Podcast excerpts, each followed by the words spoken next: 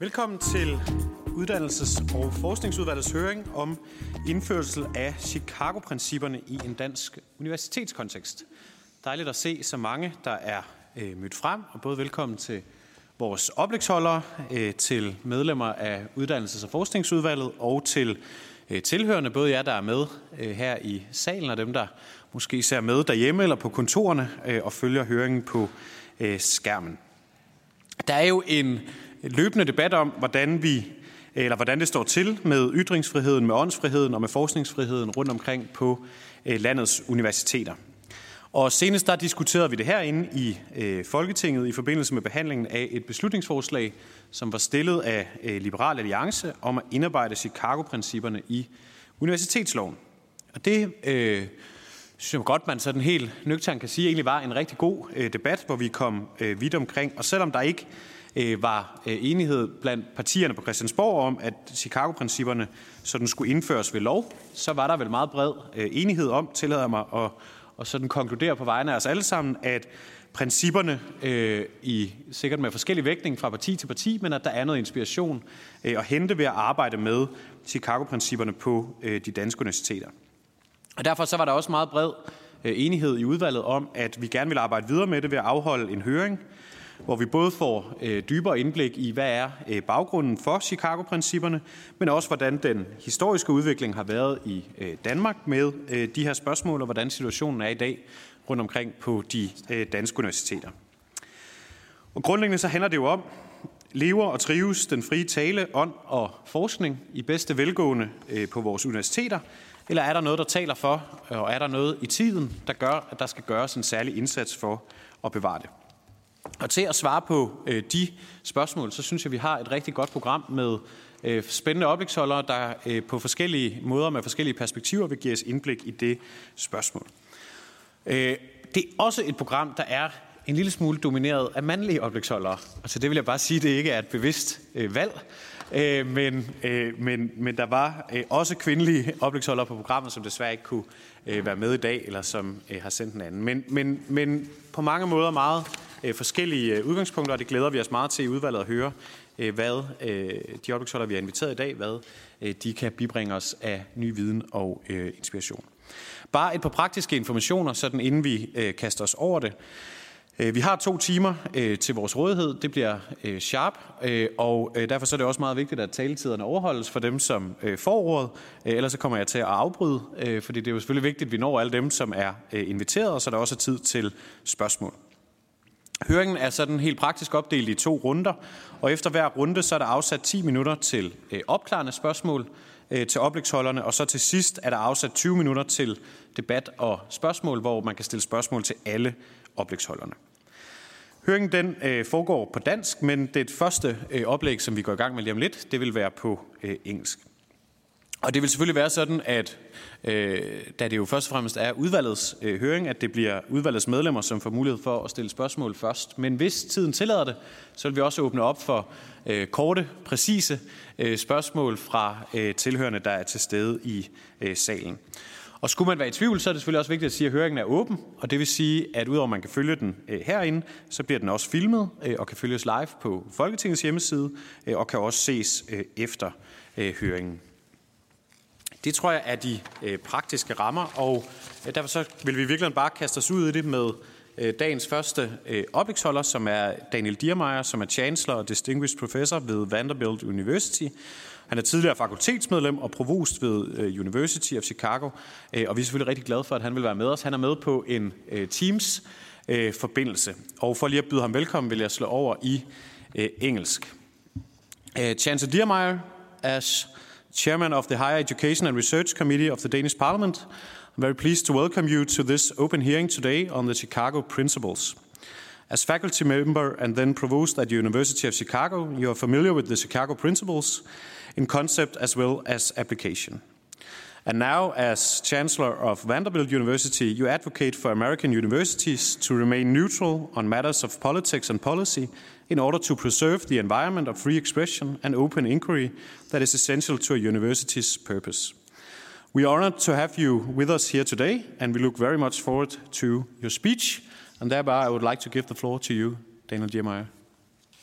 Thank you. Thank you very much, Chairman Kier and members of the committee. Uh, good afternoon to you, and uh, thank you for asking me to speak to you today. Um, and my apologies for speaking in English to you, but uh, my Danish is unfortunately somewhat limited. Uh, it's my strong belief that those who care about higher education must pay attention to and defend universities as essential forums for free expression, open inquiry, and civil discourse. So I'm very pleased that your committee is taking up this vital issue, and I'm grateful for the opportunity to offer my perspective. Uh, first, I'd like to tell you a little bit about my background and experience working on issues of free expression and open inquiry in the American higher education system. Uh, from 2016 to 2020, I served as the provost of the University of Chicago. Uh, and as you mentioned, in the American system of colleges and universities, the provost serves as chief academic officer. Uh, that person is responsible for all aspects of intellectual activity at the institution, from hiring deans and directing research enterprises to ensuring that stu- students at every level receive a rigorous and high quality education. The University of Chicago has a long tradition of fostering an environment of open and robust debate without undue interference from the university administration.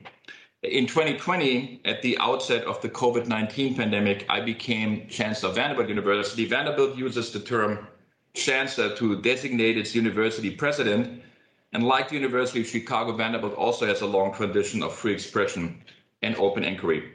Both institutions firmly believe that free expression and open inquiry are core values that are necessary to realize the fundamental mission of any great university, which is to provide transformative education and to engage in path breaking research. Even a few years ago, it would have been strange to call for universities to be protectors of open discourse and intellectual diversity, but uh, because that has long been their role by definition.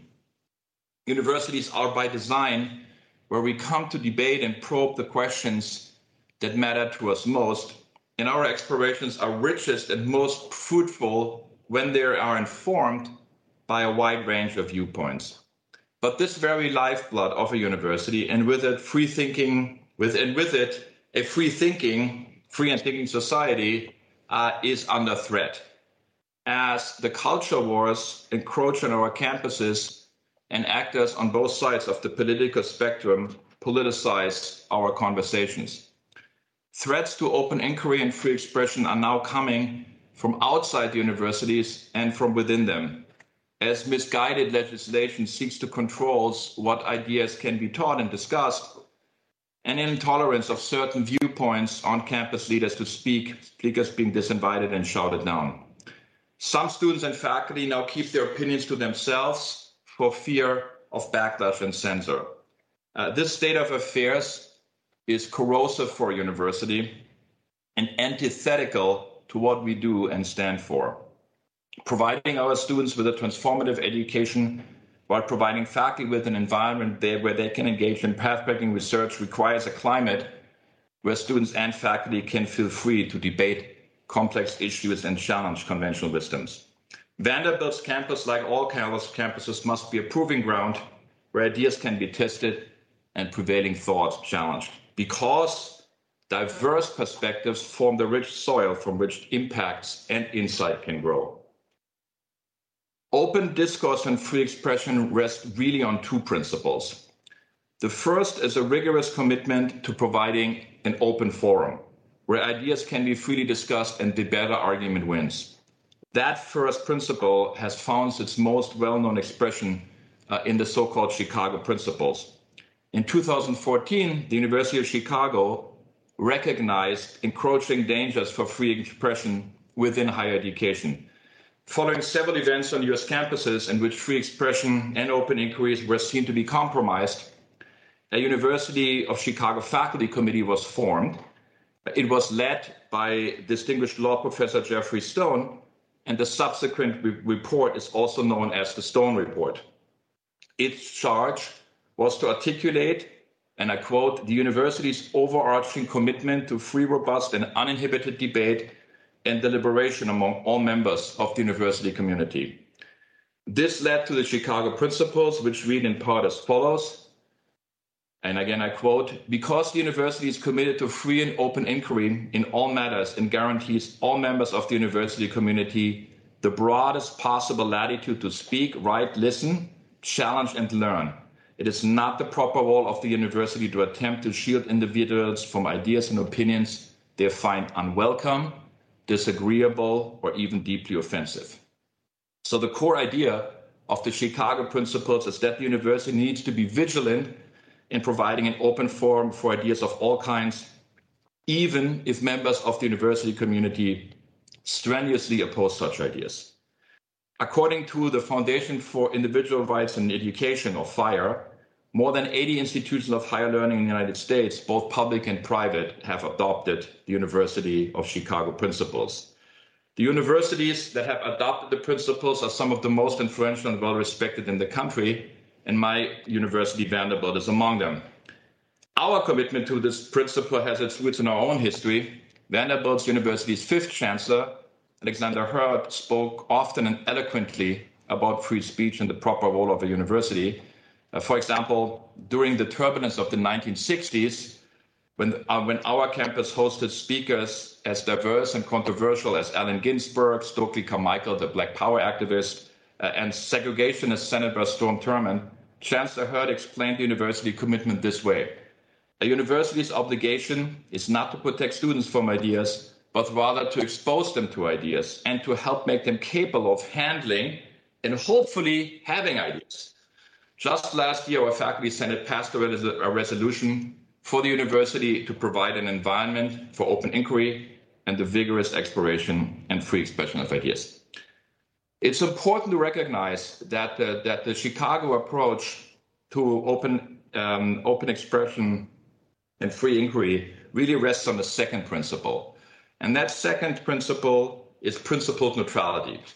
Principled neutrality was the basis for the University of Chicago's Calvin report, named after law professor Harry Calvin Jr. It was published in 1967 during the social upheaval of the 1960s and it stressed the importance of maintaining a position of principled neutrality on general political and social matters, matters that do not affect the functioning of the university directly.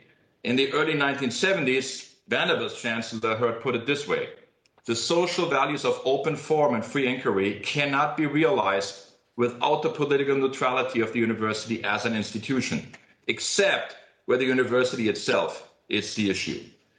This important principle has largely been forgotten.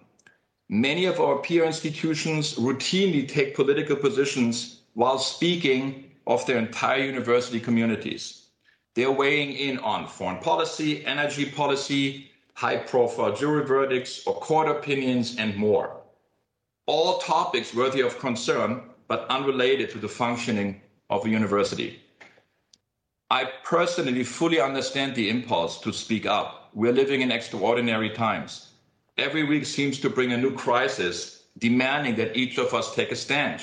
And everybody wants to know which side the university is on. But a university is paramount.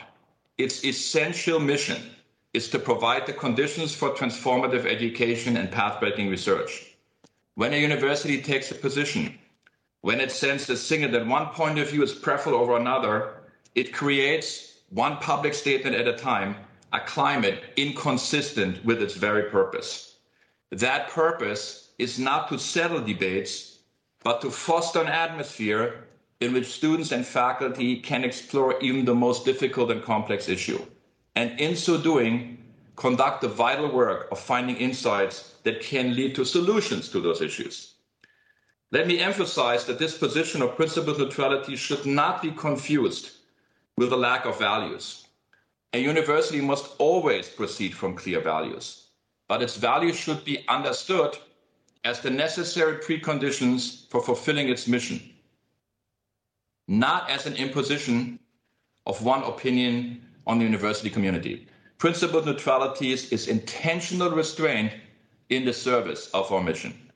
We must be vigorous, firm, and uncompromising in, in upholding the principles of academic freedom and free expression but we must also practice principled restraints in making comments on general matters of policy that intentionally or unintentionally undermine these very foundations of free expression which the university must be committed. These commitments require clarity of thought and firmness of character, and they're tested every day, but they are essential. By our mission, we owe it to our students and faculty to protect and encourage an open discourse and free expression. We also owe this to society. Because as our media, legislative bodies, and other traditional forms fall victim to polarization, the academy may be the last best place where citizens can learn to coexist, converse, and cooperate with people whose views differ from their own. I thank your committee for considering these vital issues and be happy to answer any questions. Thank you very much, Daniel Diermeyer, for your uh, interesting presentation. Uh, and, and you'll stay uh, with us to answer uh, questions, great, from, from the members of the committee and, and the participants in the hearing today. But, but first, we're going to have a, a, another presentation, and I'm going to switch back into Danish to introduce our next speaker, som er Jakob Menchengama, direktør i Tænketanken Justitia, hvor han jo beskæftiger sig med menneskerettigheder og ytringsfrihed, øh, og som jo også for nylig har udgivet en ny bog om øh, ytringsfriheden. Og øh, efter Jakobs oplæg, så er der mulighed for en første runde opklarende spørgsmål fra, fra udvalgets medlemmer og, og fra tilhørende, hvis, hvis vi har tid til det. Men værsgo til dig, Jacob. Mange tak for det. Øhm, jeg er blevet bedt om at tale om et, om et, et historisk perspektiv på akademisk frihed og i forhold til sådan de de nutidige øh, issues øh, i forhold til ytringsfrihed og akademisk øh, frihed. Øhm, og man kan sige, at øh, spørgsmålet om, om den akademiske frihedsgrænser har ligesom været der fra starten, ikke øh, kun i Danmark, men, men helt fra, øh, fra, fra universiteterne øh, bliver født i, i middelalderen, øh, øh, har der været en, et, et slagsmål om, om, hvad man må undervise i, øh, eksempelvis om Øh, Øh, på Universitetet i Paris var der et, et, et, et forbud øh, imod øh, Aristoteles, fordi at det var simpelthen undermineret, kan man sige, øh, ortodoksi at indføre den slags tanker fra en, en, øh, en græsk hedning. Øh, senere, kan man sige, så blev Aristoteles tanker en del af, af, af, af, af kanonen, og, og det, som var den nye form for, for ortodoksi. Øh, så det er bare for at sige, at, at det her det er bestemt ikke noget nyt, øh, at det giver anledning til kontroverser om, hvad man må, må sige i. Men måske en, en historisk RIS øh, kan, kan ligesom understrege vigtigheden, som jeg ser det i hvert fald, i at der er højt til loftet på, øh, på, på undervisningens Øh, institutioner. øhm, jo ikke mindst fordi, øh, at Københavns øh, Universitet øh, spillede en, en, en meget væsentlig rolle i det helt modsatte af akademisk frihed, nemlig som en censurinstitution. Øh, så, så den, den danske forud, for, forudgående censur øh, øh, var bygget op på den måde, at Københavns Universitet øh, som udgangspunkt skulle, skulle gennemgå øh, alt, hvad der overhovedet kunne blive, ud, øh, blive udgivet, sådan, at, som ikke, så det ikke stred mod øh, den lutherske lærer, eller i øvrigt øh, mod, mod, hvad hedder det... Øh, Øh, senere enevældens, øh, men, men statens interesser. Øh, så, så, så man kan sige, at det, Københavns Universitet oprindeligt havde måske ikke så højt til loftet og, og havde en anden noget, noget anden rolle. Det var ikke Chicago-principper, der, der prægede øhm, øh, universitetets rolle på, øh, på, på daværende tidspunkt. Øh, det, øh, det, det, den, den rolle bliver udfordret i, i forbindelse med oplysningstiden, hvor at flere og flere ligesom prøver at, at, at udfordre den, øh, kan man sige, det monopol på viden som, øh, og, og ytringer i det offentlige rum, som staten blandt andet via universitetet øh, har, har, har påtaget sig. Øhm, og, og Københavns Universitets censurbeføjelser bliver jo ophævet, da, da Struense i, i 1770 lige pludselig øhm, gør, at, at Danmark som det første land i verden nogensinde ophæver øh, alle former øh, for censur gik ikke så godt for Struense, øh, men, øh, men, men vi andre kan måske være taknemmelige, selvom mange af fremskridtene blev rullet tilbage øh, igen.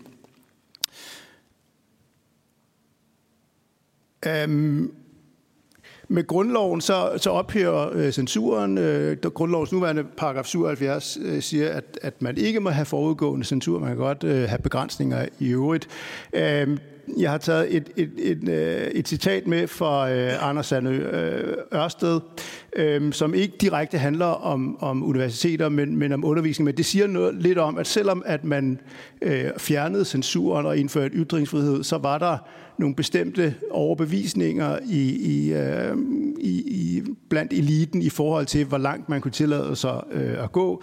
Øh, det her det, det, det drejer sig om, om, om religions- og ytringsfrihed, og der, der, der, der siger Ørsted, som jo er altså en af rigets øh, fremmeste øh, mænd, øh, det ville vist nok være forarveligt, om en jøde skulle være dommer og modtage eden, øh, der er grundet på den kristelige religionsbekendelse, og som bekendt indeholder symbolet på træenhed. Og det ville vist nok også være forarveligt, og i højeste grad fordærveligt, om katolikker skulle kunne få få ledelse af skoleundervisning. Så der er altså stadig en bekymring her omkring, hvad man kan tillade at, øh, at, øh, at udsætte befolkningen for, hvilke tanker kan, kan krybe ind og fordave øh, de institutioner og forestillinger, som er afgørende for sammenhængskraften i, i, i, i samfundet.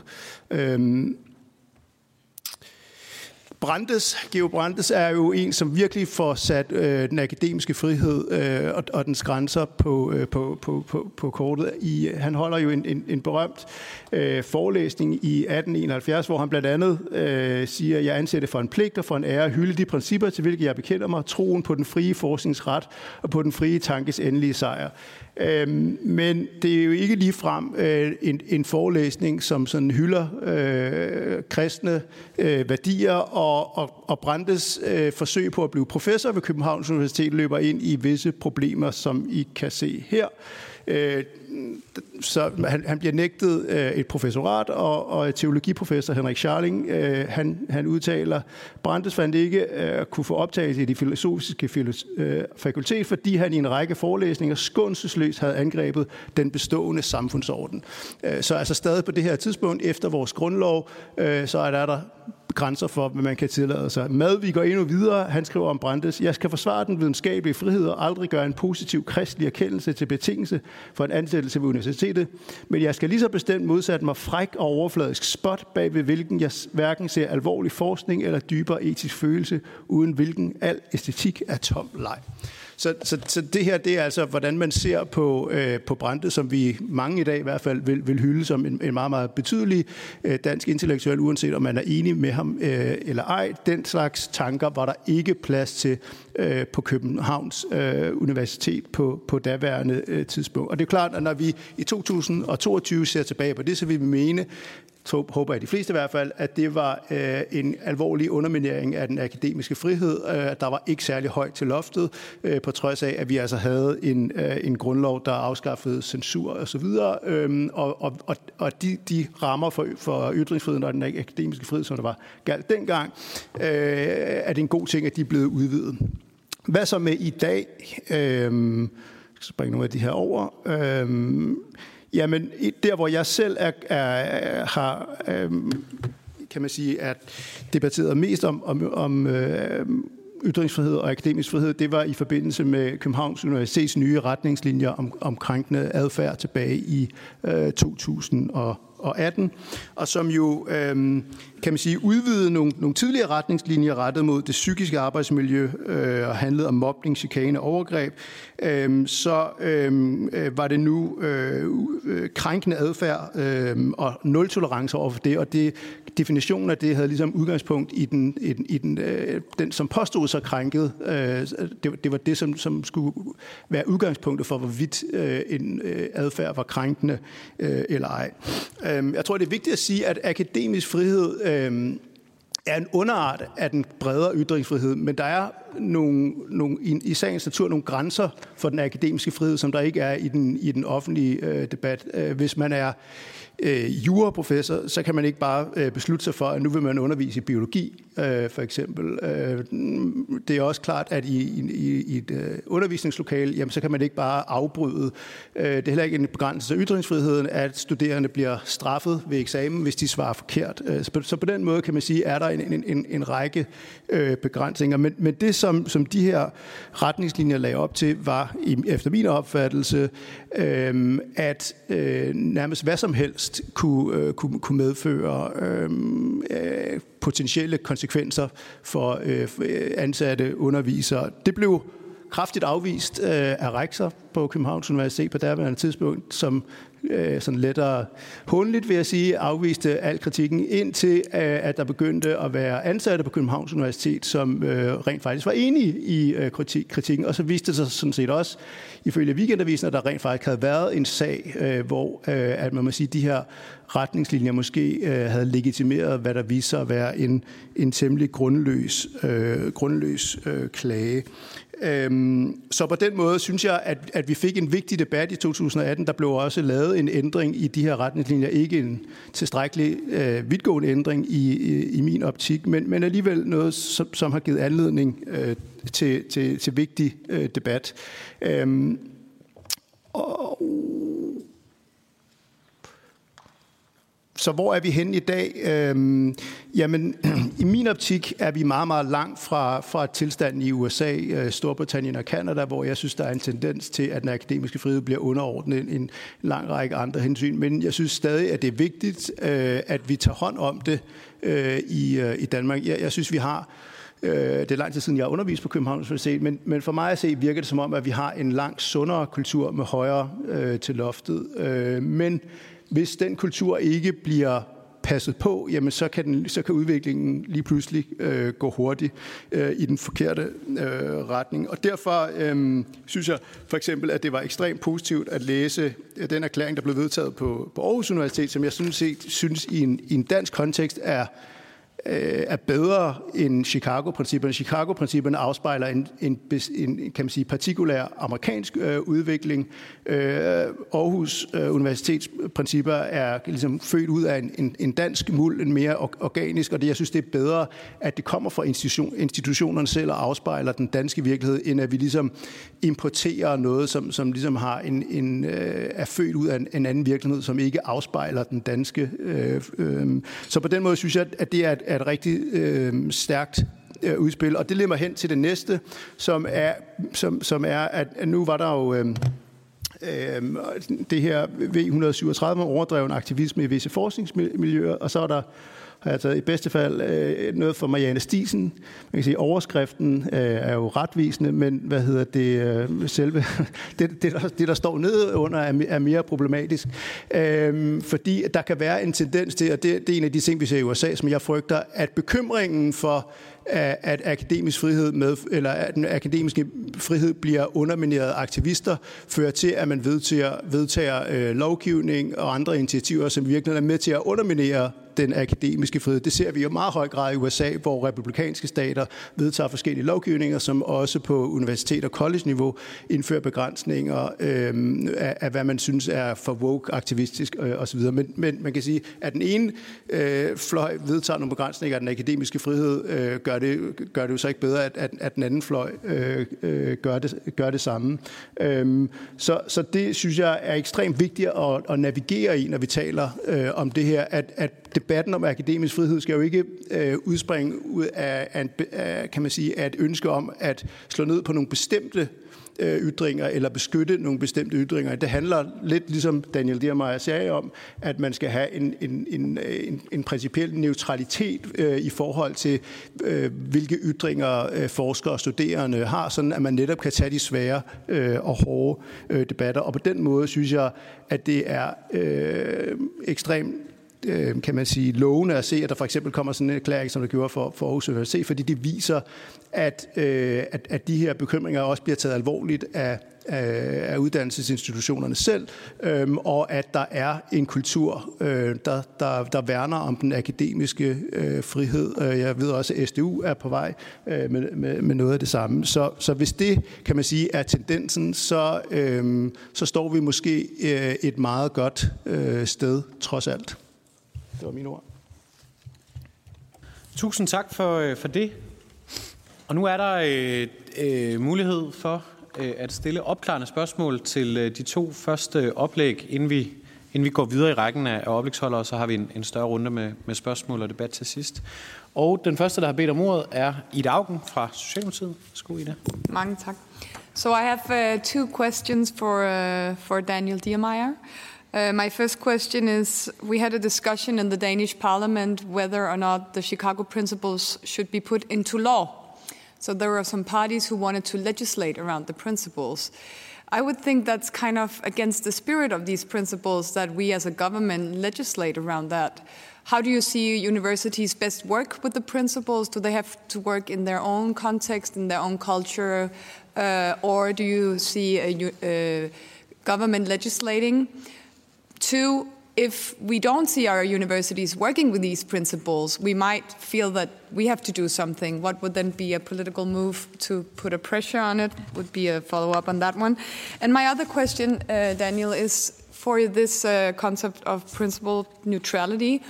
Does that also go for the way you run your institution? For instance, if you look at our panel today, it's a all male panel, a manel, uh, because we chose people from their um, professions and we uh, did not really manage to get the gender balance very well here. Uh, so, so of course there are, there are problems with diversity at, at universities. Isn't it fair? Is, is that beyond the neutrality if you work with issues like this as a, a, a leadership? Because that's where some of the controversies and, and dilemmas come. Can you elaborate a little on that? Øh, og så har jeg lige et spørgsmål til Jakob Machangama. Øh, det samme egentlig om at indskrive det i loven eller ej. Øh, øh, ja. Og vi tager lige et spørgsmål mere med, inden øh, I, I får lov at svare. Øh, Alex Hansen fra Dansk Folkeparti.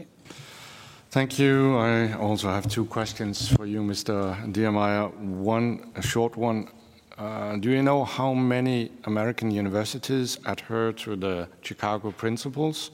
Secondly, in your opinion, should we in Denmark or in the Western world demand that students um, sign a contract and promise to keep to uh, yeah to keep the Chicago principles while studying? Thank you. Thank you. And I think we'll start with you, Daniel, uh, to answer the, okay. the questions, and then to Jakob uh, following up. Beautiful. So let me let me uh, let me start with the uh, let me let me take them in a in a uh, in order. So the first thing I think is the question about how should we think about um, you know legislating these type of principles and um, and should there be a law or regulation that does that? So I think the, the political context is really, and the legal context is really important here.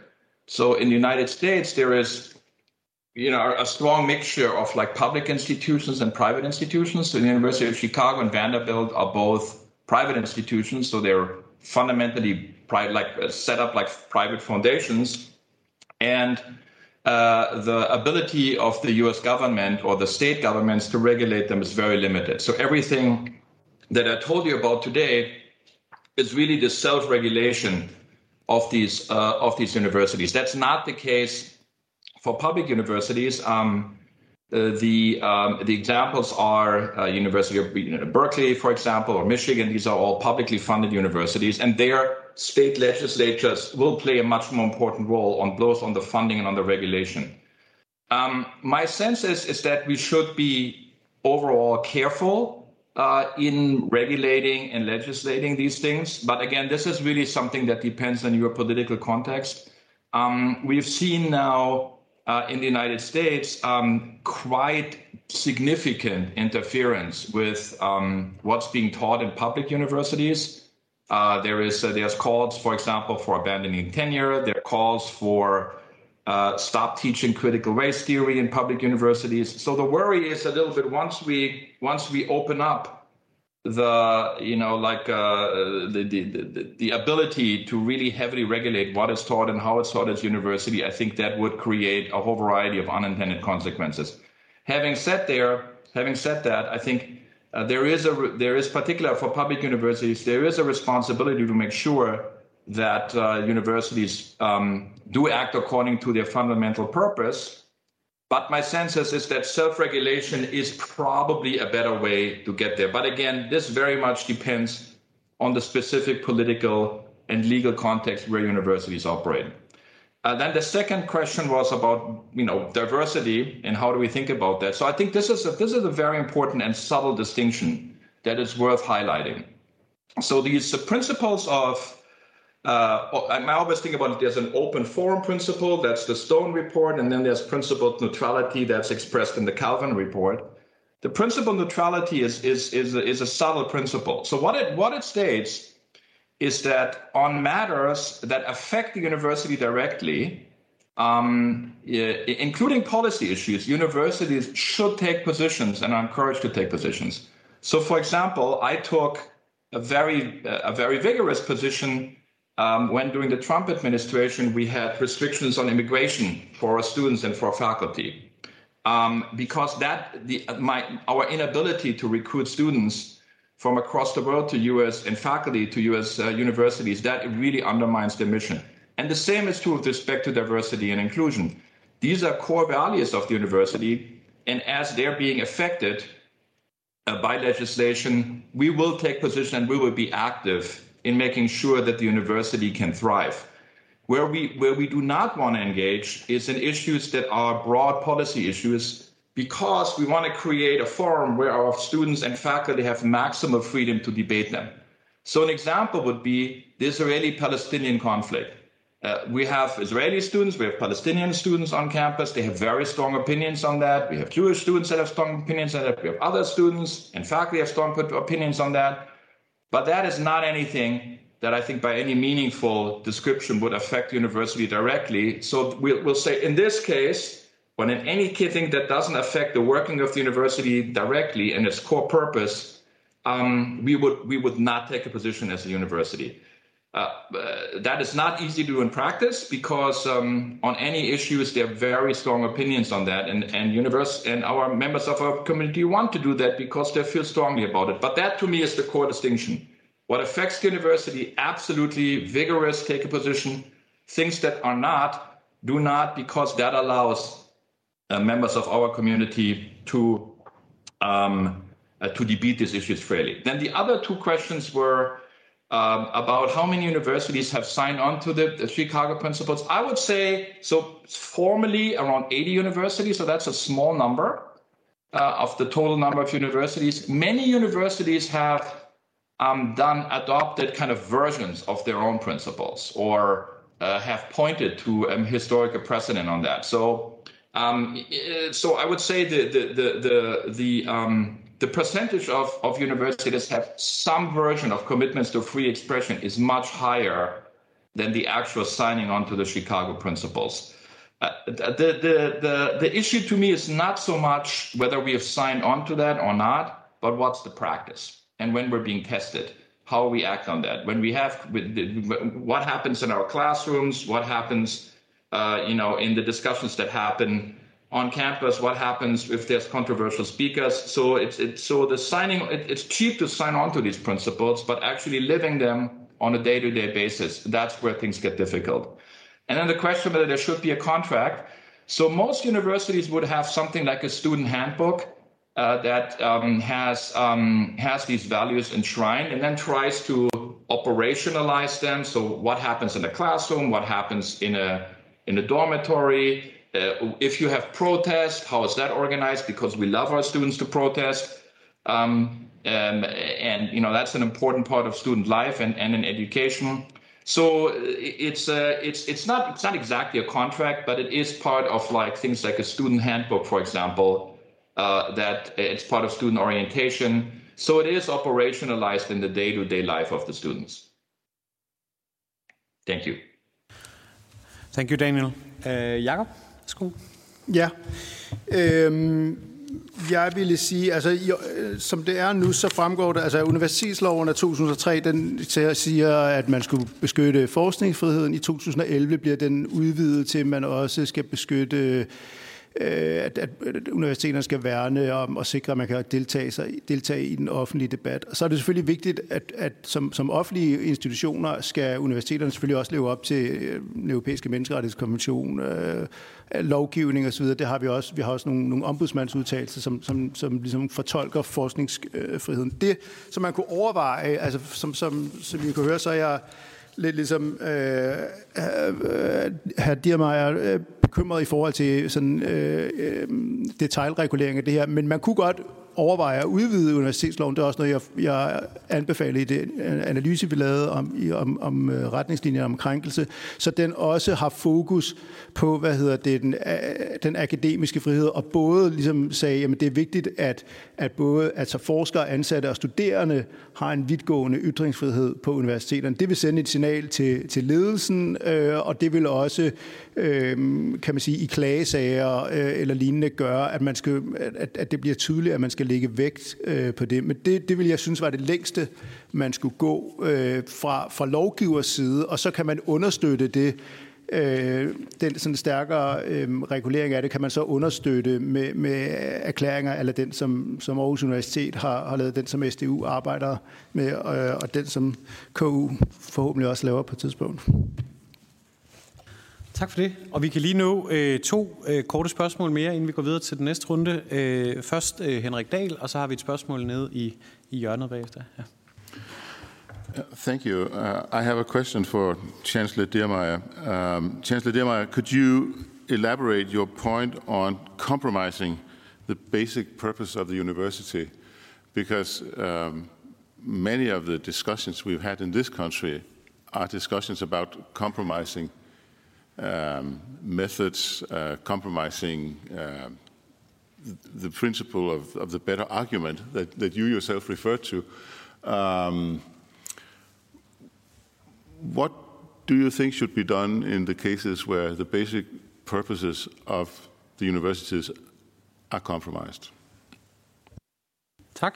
Og helt nede i hjørnet var der også et spørgsmål, og det må gerne være kort, men du må gerne lige starte med at sige, hvad du hedder og hvor du kommer fra. Jeg hedder Nina Bunde og er medstifter af gruppen Parti, der arbejder for skolelærer og underviseres ytringsfrihed, metodefrihed og undervisningsfrihed. Du var lidt inde på det, Jakob, så spørgsmålet går til dig.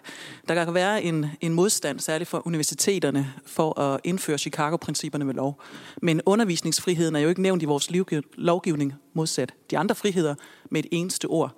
Kunne man forestille sig, at man i stedet for at indføre det undervisningsfriheden specifikt i universitetsloven, og så havde en høringsproces, hvor man inddrog øh, universiteterne, læringsinstitutionerne med videre i videst muligt omfang, så man også fik den her danskificering, kan man sige, af principperne og sikrede sig en medinddragelse af universiteterne. Hvad tænker du om det?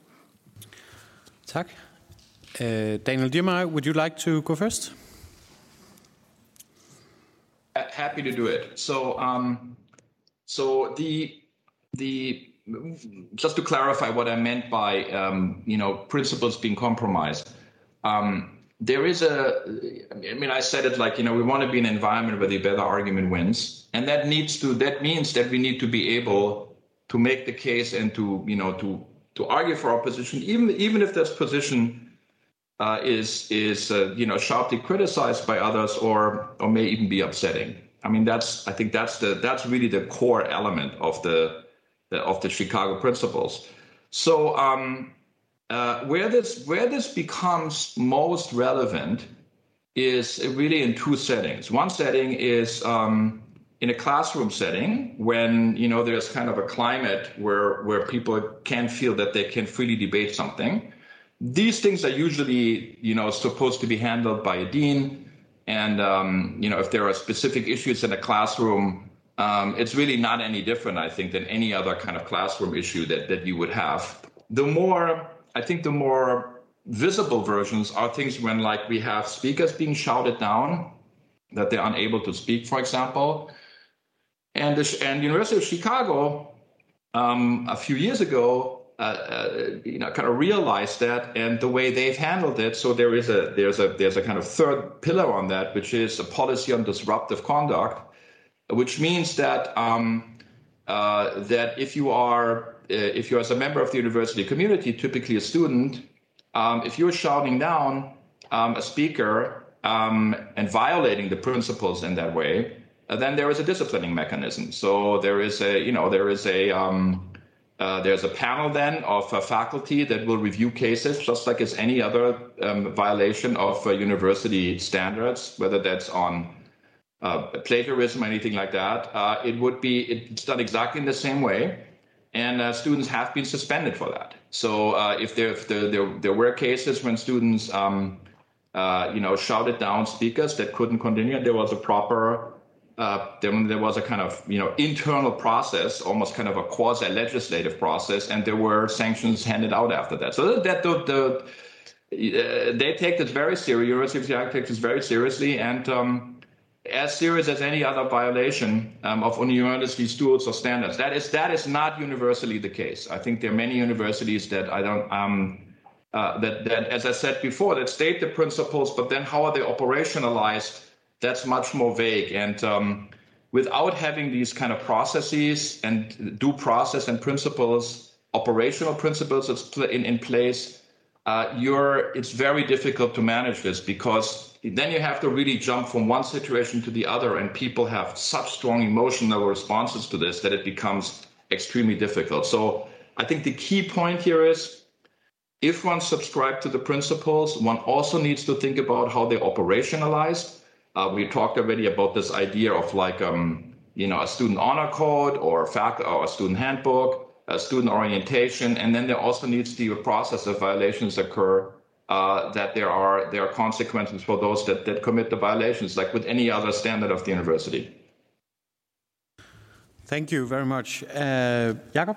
Og hvis du vil holde det sådan rimelig kort, så... Ja, ja men altså undervisningsfriheden, øh, vi jeg mene, lå i den akademiske øh, frihed, så, så det vil være en, en, et underelement øh, af det, ligesom kan man sige, den, den, øh, de studerendes ytringsfrihed øh, i det hele taget. Så, så, på, så på den måde ville den, kan man sige, snævre udvidelse af universitetsloven, som jeg sagde, hvor man kunne lægge vægt på den akademiske frihed, øh, Øh, ud over hvad der fremgår af den offentlige debat og forskningsfrihed, understøtte det. Det kunne man så tydeligt gøre i bemærkningerne, at akademisk frihed skal forstås som omfattende det, det og det. Øh, og i den proces skulle universiteterne selvfølgelig også øh, høres og, og, og deltage øh, aktivt. Så, så på den måde synes jeg, at, at, at det kunne understøtte hinanden. Tak skal du have. Og dermed så når vi til øh, anden runde øh, af høringen, hvor vi har fire oplægsholdere på med forskellige vinkler, som vil gøre os endnu klogere, end vi er blevet de sidste 45 minutter. Og den første er Jakob Holtermann, som er lektor i jura på Københavns Universitet. Værsgo, Jakob. Tak skal du have. Så du skal lige trykke på mikrofonen. Jamen, jeg tror, han er med os videre. Kan I høre mig nu? Ja. ja. Fint. Jeg skal nok... Øh, mange tak for invitationen til øh, udvalget.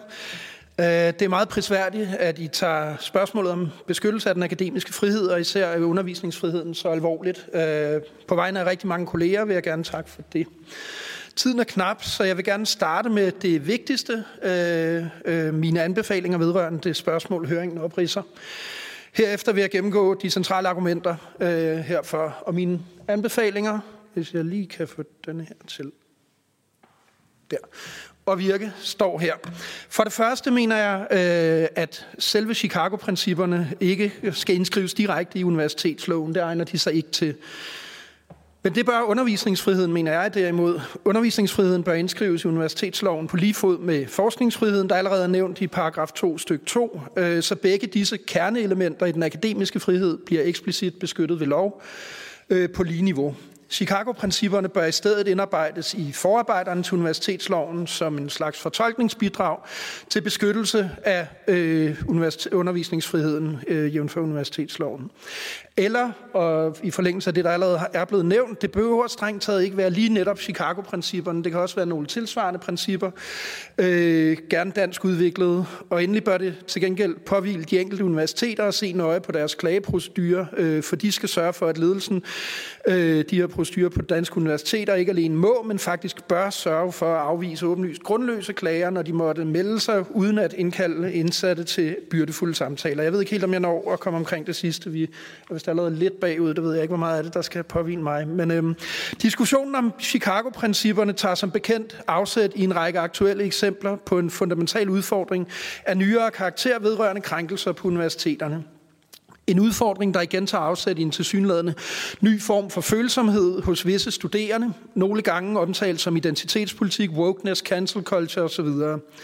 En følsomhed, der i visse radikale fortolkninger tilslutter sig det moderne dogme, if it feels wrong, it was wrong, som et konsulentfirma hævdede til et krænkelsesseminar på mit eget fakultet.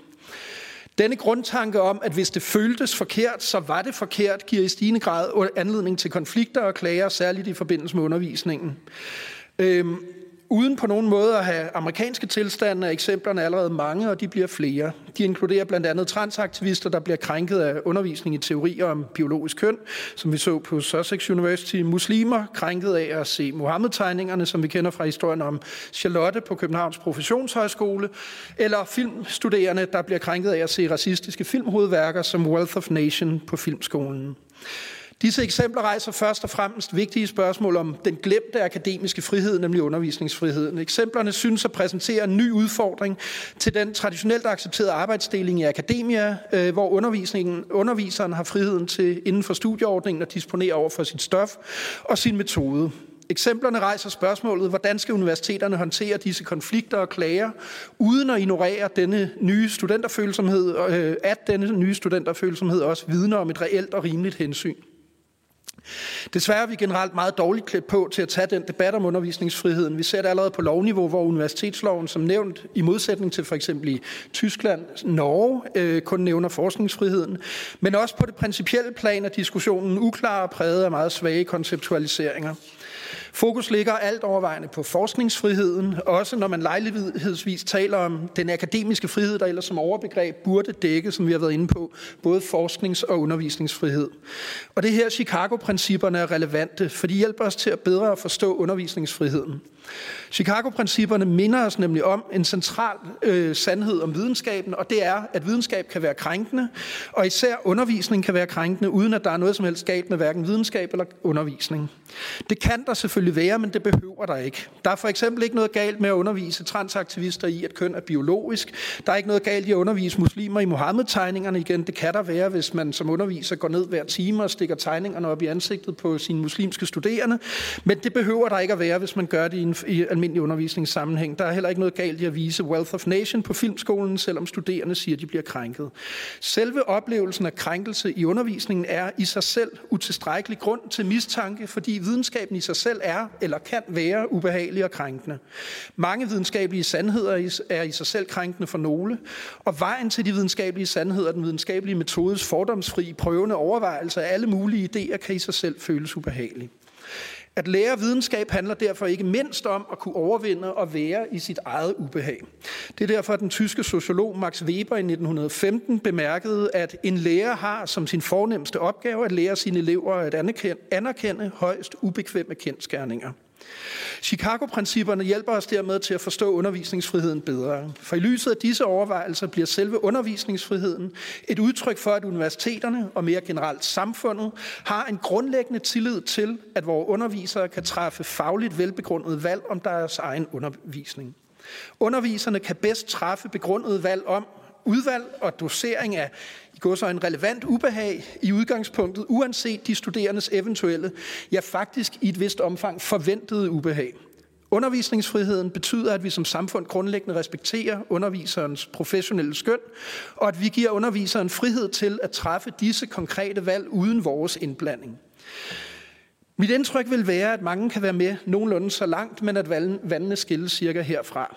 Nemlig når det gælder, hvordan vi så bedst beskytter undervisningsfriheden, cirka således forstået, som jeg her har skitseret med afsæt i Chicago-principperne. Indstillingen ved forhandlingerne før jul var i vid udstrækning sympatisk over for principperne, men at man skulle overlade det til universiteterne af egen drift og indføre dem eller, dem eller nogle lignende principper, som også Ida Auken var inde på. Ja, det blev næsten antydet, at det ville være et indgreb i det universitære selvstyre og den akademiske frihed, hvis man fra lovgivers side gik ind og blandede sig. Men det er, uanset min øh, store respekt for både universitært selvstyre og betydningen af lokalt ejerskab og vigtigheden af at kvalificere det lokalt, en misforståelse. Det er ikke fordi, jeg skal insistere på, at, lige præcis, øh, at det lige præcis skal være Chicago-principperne. Vi har hørt om Aarhus Universitet og Syddansk, der på hver deres måde er i gang med øh, meget prisværdigt arbejde for at styrke øh, øh, undervisningsfriheden og i det hele taget den akademiske frihed. Problemet er imidlertid netop disse initiativers begrænsede lokale karakter. Øhm, for imens man således tager problemstillingen prisværdigt alvorligt på for eksempel Aarhus og Syddansk Universitet, så er der andre steder, hvor det, der ikke sker noget. For eksempel på mit eget universitet, KU, her betragter universitetets ledelse til synlædende hele problemstillingen og diskussionen på samme måde, som da man i 2018 afviste problemet med nul-tolerance-retningslinjerne, som en blanding af falsk problemimport, Facebook-hysteri og paranoid ytringsfrihedsfundamentalisme. Det ses som en form for storm i et glas vand, og eventuelle problemer kan håndteres med sådan overvejende hyggelig pragmatisme, og hvis der kommer klager, så tager vi en snak om det. Men det mener jeg er problematisk, ikke fordi jeg ikke har tillid til min egen øh, ledelse sunde dømmekraft, det har jeg til fulde. Jeg mener, at KU er i gode hænder. Men undervisningen, undervisningsfriheden er, helt ligesom forskningsfriheden, ikke en gunstbevisning, øh, som undervisere kan blive tilstået efter ledelsens for godt befindende. Undervisningsfrihed det er en rettighed af vidtrækkende betydning, ikke blot for den enkelte underviser, men som vi har været inde på, for samfundet. Det fordrer en eksplicit lovbeskyttelse af undervisningsfriheden, helt ligesom med forskningsfriheden, hvis beskyttelse vi jo heller ikke har uddelegeret 100% til universiteterne og sagt, at lovgiver ikke skal blande sig, eller mener, at det skulle være et indgreb i, den universitære, i det universitære selvstyre. Tværtimod har vi her, øh, har lovgiver helt med rette følt behov for at sikre forskningsfriheden, uden nogen af den grund, som sagt, går ind, går ind og taler om indgreb i den akademiske frihed. Tværtimod. Og på samme måde mener jeg, at lovgiver bør tage ansvaret på sig og med lov sikre undervisningsfriheden. Det betyder ikke, for nu igen at være helt præcis, at jeg mener, at Chicago-principperne nødvendigvis skal indskrives i lovgivningen. Først og fremmest på grund af en genrebetragtning. De har ikke lovsform øh, og egner sig ikke til en indskrivning. Men vi bør som sagt indskrive undervisningsfriheden på lige fod med forskningsfriheden, og så bør vi indføre Chicago-principperne eller noget lignende i lovforarbejderne som fortolkningsbidrag, sådan at det bliver præciseret, hvad vi som samfund forstår ved undervisningsfrihed. Jeg understreger eller lignende, fordi det for mig at se ikke nødvendigvis behøver at være netop de her principper. Tværtimod vil det måske være at foretrække at lade en kom, øh, kommission kommission med repræsentanter fra alle landets universiteter udarbejde et sæt Danmarks principper, som man kunne indskrive i forarbejderne. Det, der er vigtigt, er, at vi via lovgivning får etableret en fundamental national forventningsafstemning om, hvad det vil sige at gå på et universitet. At et universitet det er et sted, hvor vi fordomsfrit undersøger alle idéer, og hvor det som følge heraf ikke kan udelukkes, at man bliver krænket. Tværtimod er det nok overvejende sandsynligt. Til gengæld bør det påvile universiteternes individuelle ledelse lokalt at afstemme regelsæt, som for eksempel klageretningslinjer, i tråd med ånden i denne lovgivning. Det betyder således, at man ligesom i ligestillingsloven bør introducere delt bevisbyrde. Øhm, således at det påvirker den, der klager over krænkelse og påpeger faktiske omstændigheder ved undervisningen, der giver anledning til at formode, at eventuelle krænkelser er, er chikanøs eller ikke pædagogisk velbegrundet karakter. Ombudsmanden har flere gange fastslået vedrørende offentligt ansattes ytringsfrihed, at øh, øh, selve det at blive indkaldt til en nok så kammeratlig samtale med, ledelse, samtale med ledelsen ofte opleves som en sanktion af den ansatte, helt uanset om der i øvrigt træffes beslutning om formel sanktion af den pågældende.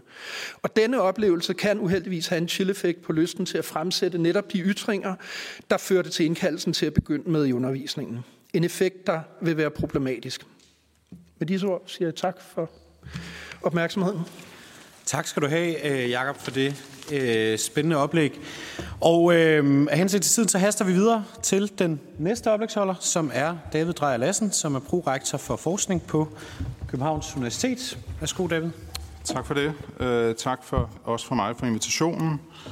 Tak for de foregående indlæg. Tak for interessen, også for Københavns Universitet. Uh, jeg synes, det er vigtigt, at vi har debatten sammen, også den kritiske debat, og jeg vil godt kvittere for, at Folketinget, offentligheden og selvfølgelig vores egne ansatte interesserer sig for at lægge vægt på universiteterne og deres frihedsgrader. Jeg er i, lidt i debattens ånd, kan man sige, blevet spurgt om at udfordre ideen om at lovsætte øh, Chicago-principperne, så det øh, vil jeg blandt andet gøre. Mit afsæt er, at vi, universiteterne, universitetsledelserne, skal fokusere på, hvad der står i universitetsloven nemlig at universitetet har til opgave at drive forskning og give forskningsbaseret uddannelse ind til højeste internationale niveau inden for sine fagområder. Det er det, der er opgaven, ikke alt muligt andet.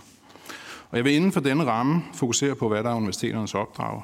Øh, for hvad der er universiteternes opdrag og eksistensberettigelse fokuserer på tre spørgsmål. Det første er, er der et problem på danske universiteter, som Chicago-principperne kan løse? To, hvad gør vi allerede? Og tre, hvad kan vi gøre bedre fremadrettet? Er Chicago-principperne i en dansk kontekst en løsning på jagt efter et problem? Spørgsmålstegn. I den oprindelige rapport, som blev produceret på University of Chicago, der er jo sådan set kun et princip. Det er princippet om, at debat ikke skal undertrykkes, selvom idéerne af nogen kan synes forkerte eller provokerende. På Københavns Universitet er vi enige i Chicago-princippernes intention at understøtte den frie akademiske debat ved at fastslå videnskabelige medarbejderes frihed til at tale, skrive, lytte, udfordre og lære. Og vi kan inkludere de studerende i den ligning. Vi udøver den dagligt i artikler, i seminarer, i uformelle diskussioner og i undervisning.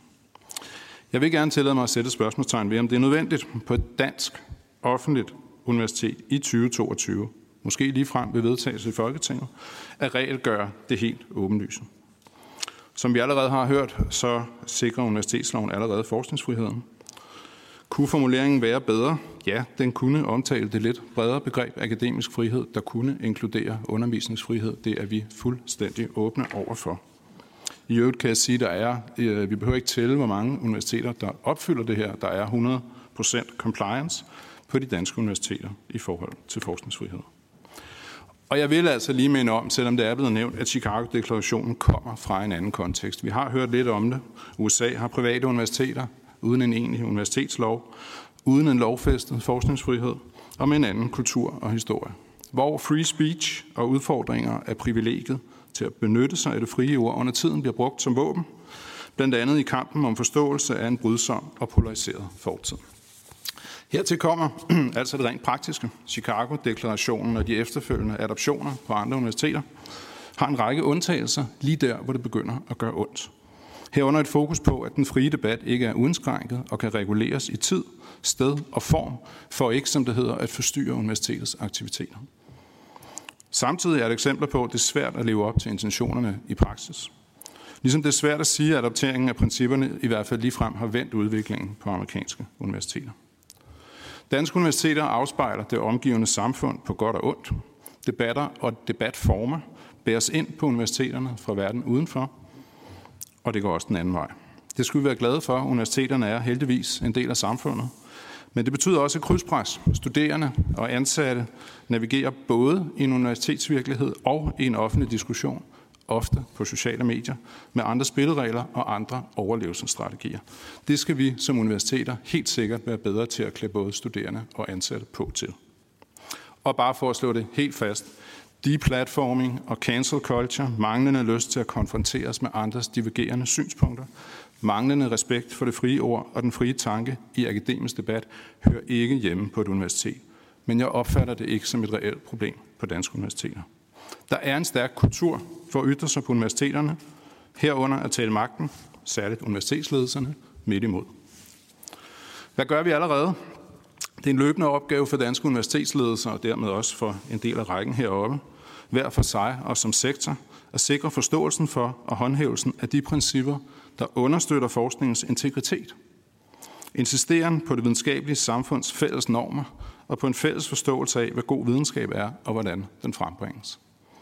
Senest kom i 2021 efter omfattende udvalgsarbejde i den danske tradition i hele sektoren, den såkaldte armslængde rapport, også kendt som principper og anbefalinger for forskningsbaseret samarbejde og rådgivning.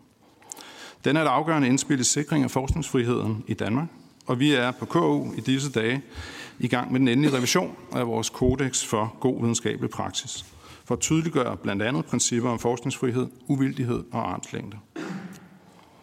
Disse og andre principper, de tydeliggør, at forskningsfrihed det er frihed under ansvar.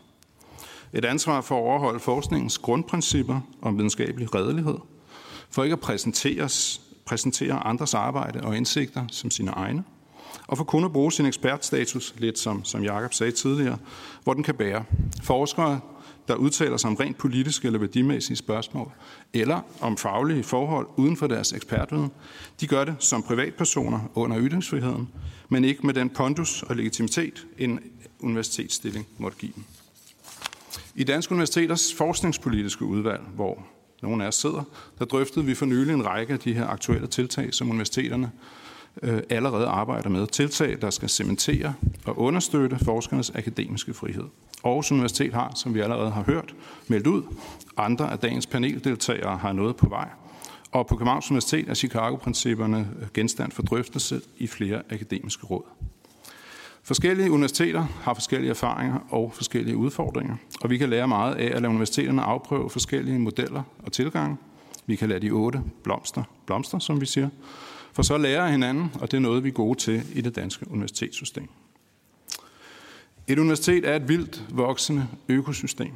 Økosystemet er ikke perfekt, men det har dog indlejret en lang række mekanismer og checks and balances, der skal sikre, at forskning giver ny og valid, valid viden. Det sker blandt forskerne, ikke mindst i form af peer-review-systemet, der sikrer høj grad af selvregulering, og det sker inden for de tidligere nævnte rammer for forskningsintegritet. Løbende at grænske og evaluere egen og andres praksis og resultater, det er et grundlæggende element i arbejdet med videnskab. Det betyder ikke, at det kan foregå gnidningsfrit eller uden imperfektion. Kollegial kritik nogle gange er et helt livsværk, nogle gange fra en medstuderende, det kan gøre ondt. Og vi skal som universitet være med til at sikre rammer og forståelser, hvor man, som man siger, går efter bolden og ikke efter manden MK. Ikke mindst fordi det på sigt også sikrer den bedste forskning og den bedste undervisning. Vi tager os selv det videnskabelige samfundsmedicin. På K har vi netop i gang sat en ny runde af vores forskningsevaluering, hvor alle universitetets institutter og forskere bliver evalueret på deres forskning af et internationalt panel af fagfælder. Hvad kan vi selv gøre i fremtiden, ud over, som allerede sagt, at lære af de, lad os kalde det, eksperimenter, der foregår allerede nu på de andre danske universiteter? Vi skal som universiteterne, eller på universiteterne, selv formidle, og nogen vil endda sige opdrage til, en akademisk kultur, hvor kritik og dissens er centrale elementer, hvor man kan være enige om at være uenige. Det tror jeg, vi, det kan vi, tror jeg, blive bedre til. Og vi har måske ikke været tilstrækkeligt opmærksomme på at konkretisere og eksemplificere principper for perspektiverne i det, vi kan kalde produktiv uenighed. Jeg tror ikke, vi vinder noget ved at skrive varianter af Chicago-principperne ind i loven. For det første er temaerne stort set allerede dækket af universitetsloven og universiteternes vedtægter. For det andet er det sådan, at kultur, som man siger, spiser strategi til morgenmad, måske endda principper, og derfor er det kulturen, der skal arbejdes med. Det kan for eksempel være i undervisning, og man kunne læne sig op, som, som øh, vi nogle gange gør, af Mertons såkaldte kudo-principper. Det er en, en god retningslinje. De inkluderer blandt andet universalisme. Ny viden vurderes alene efter universelle, og men ofte fagspecifikke, kriterier uafhængigt af frembringeren, status eller personlige karakteristika. Og vi taler altså ting fra 1940'erne her. Organiseret skeptisk, og det lyder næsten som definitionen på et universitet. Alle nye teorier, hypoteser, empiriske resultater er fair game, uanset om de er blevet produceret af en kollega eller en i USA. Det er bare eksempler, og der er mange andre. Sigtet med Chicago-principperne og høring i dag, det forstår jeg og vi, og vi har sympati for det. Og vi er den opfattelse af de ting, vi arbejder med på universiteterne, og den praksis, der er i det akademiske samfund i Danmark, understøtter den akademiske frihed og den frie akademiske debat. Vi kan altid blive bedre, og Chicago-principperne vil givet ikke gøre skade, men vi kan med fordel lægge vores energi i det konkrete, inden for de stærke rammer, vi allerede har. Tak for ordet.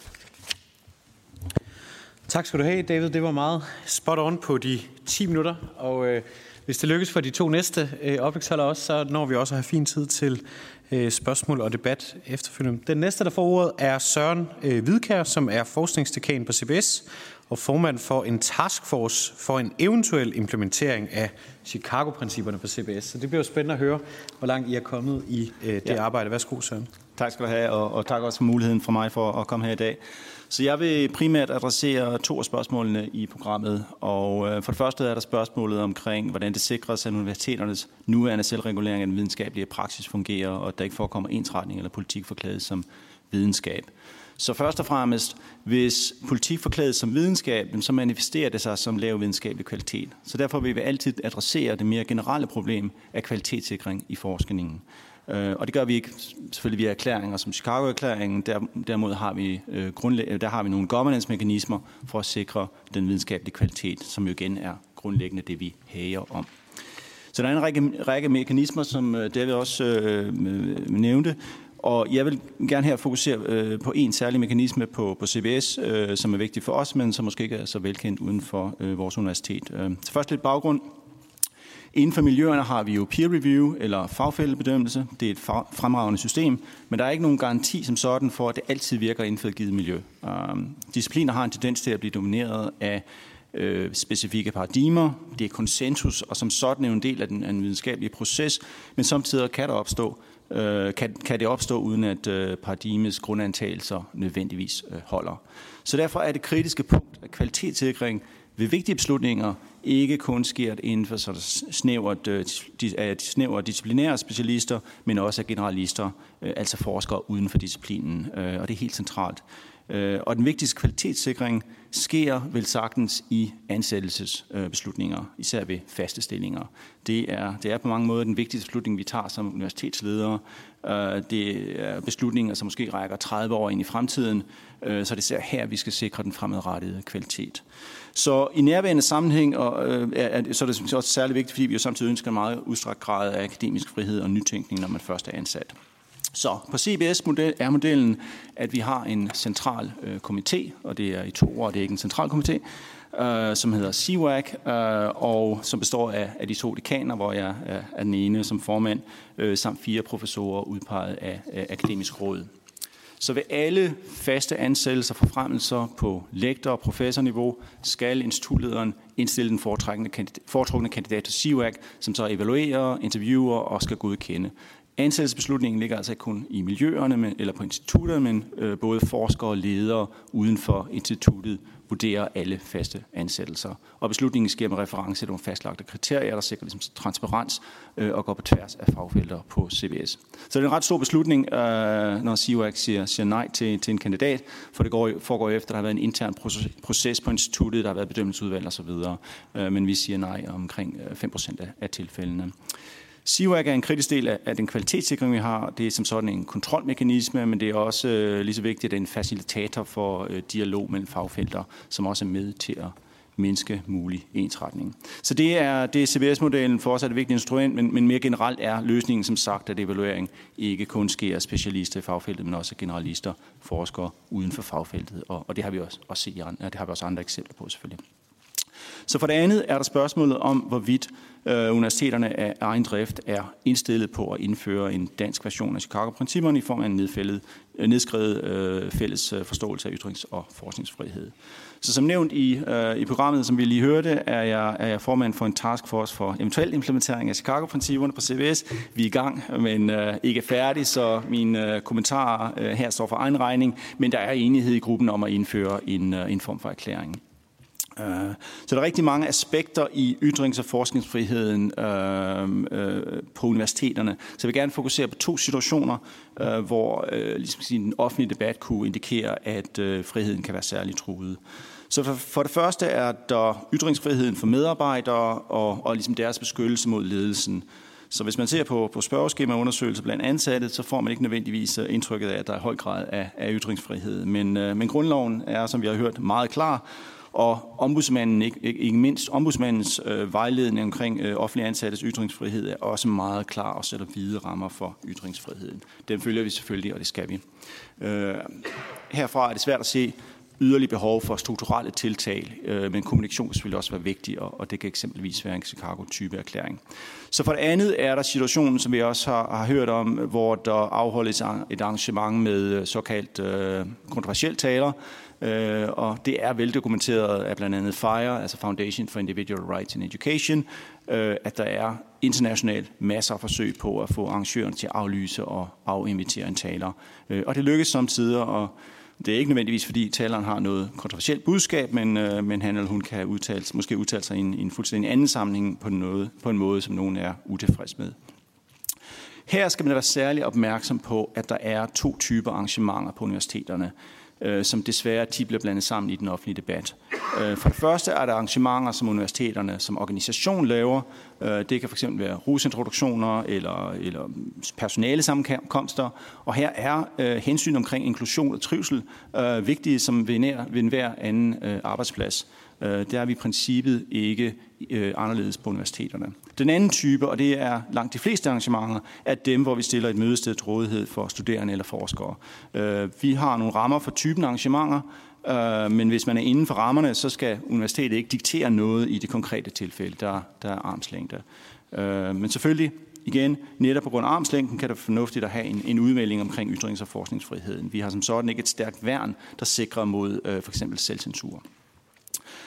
Og her skal man øh, selvfølgelig være opmærksom på, at der nødvendigvis er, er frihed for, for Logos og vel som for Thor.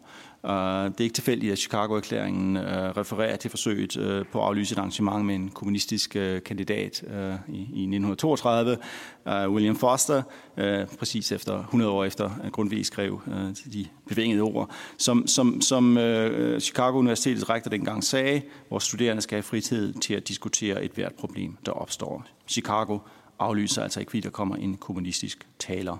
Det, er, øh, det samme kan vi håbe på, at offentligheden også har en forståelse for i Danmark. Så man siger, frihed til at være anti-woke er også frihed til at være woke. Så, øh, og, øh, og som er samfundet generelt, så drives videnskaben frem af konkurrerende idéer, og, og det er kun muligt gennem en, en åben samtale. Så med de ord vil jeg sige, at vi er øh, meget positive omkring formålet med øh, Chicago-erklæringen med grundlovens øh, paragraf 77 en mente, er det svært at se meget nyt her som sådan, men kommunikation er i sig selv selvfølgelig også et signal. Og især fordi vi øh, opererer i et internationalt landskab, hvor de færreste kender den danske grundlov og den stærke tradition for vores ytringsfrihed. Tak. Tusind tak, Søren, for øh, dit oplæg. Øh, den sidste oplægsholder, vi har på programmet i dag, er øh, Jens Ringmose, som er rektor på SDU og repræsentant for rektorkollegiet. Øh, og værsgo, Jens, ordet er øh, dit. Og bare for at sige til udvalgets medlemmer, så det er det så lige om lidt et øjeblik, når jeg lige har sagt, øh, det er til udvalgets medlemmer, at, at bagefter Jens' oplæg, så vil der være mulighed for lige nogle korte opklarende spørgsmål til de fire sidste oplæg. Øh, hvis der er noget, der lige står uklart, som skal afklares, inden vi åbner op for spørgsmål til øh, alle oplægsholderne, og også mulighed for sådan mere politiske øh, kommentarer og, og så videre. Men øh, værsgo til dig, Jens. Ordet dit. Tak for det, og jeg skal forsøge at styre min øh, organisatoriske skizofreni og meddele, hvornår jeg taler på vegne af SDU og på vegne af danske universiteter. Øh, først og fremmest vil jeg gerne tak for initiativet, for invitationen og for, hvad jeg synes er en, en rigtig vigtig debat. Øh, jeg er glad for, at universiteterne kommer til ord her, øh, og tak for i øvrigt øh, fremragende oplæg øh, øh, forud. Jeg synes, timingen for høringen er rigtig god. Der er flere universiteter, der arbejder på forskellige typer af dokumenter, erklæringer, principper, værdigrundlager, som på den ene eller anden måde relaterer sig til Chicago-principperne. Jeg vil faktisk sige, at nok alle, så vidt jeg forstår, på en eller anden måde bygger ovenpå, eller i hvert fald er relateret til dem. Øh, på AU er man allerede langt og har præsenteret et, øh, et papir, en erklæring, øh, som primært handler om ytringsfrihed. På SDU er vi på vej med et værdigrundlag. Det er i høring i øjeblikket i de akademiske råd. På CBS og KU og alle andre steder, der er man, man er godt på vej. Så universiteterne arbejder overalt på værdigrundlag, værdigrundlag, erklæringer og principper. Øhm, I rektorkollegiet har vi drøftet, om der er behov for en eller anden form for fælles universitær øh, erklæring eller et fælles papir, en overligger. Og det er vi sådan set nået frem til, at det kunne være rigtig hensigtsmæssigt. Så på den anden side af sommerferien, når institutionerne er kommet længere med deres respektive papir, så vil vi forsøge på at samle det og se, om der er et fællesnævner i det, og lave en eller anden form for overligger eller øh, paraplypapir. Øh, og det papir vil helt sikkert også være inspireret af Chicago-principperne.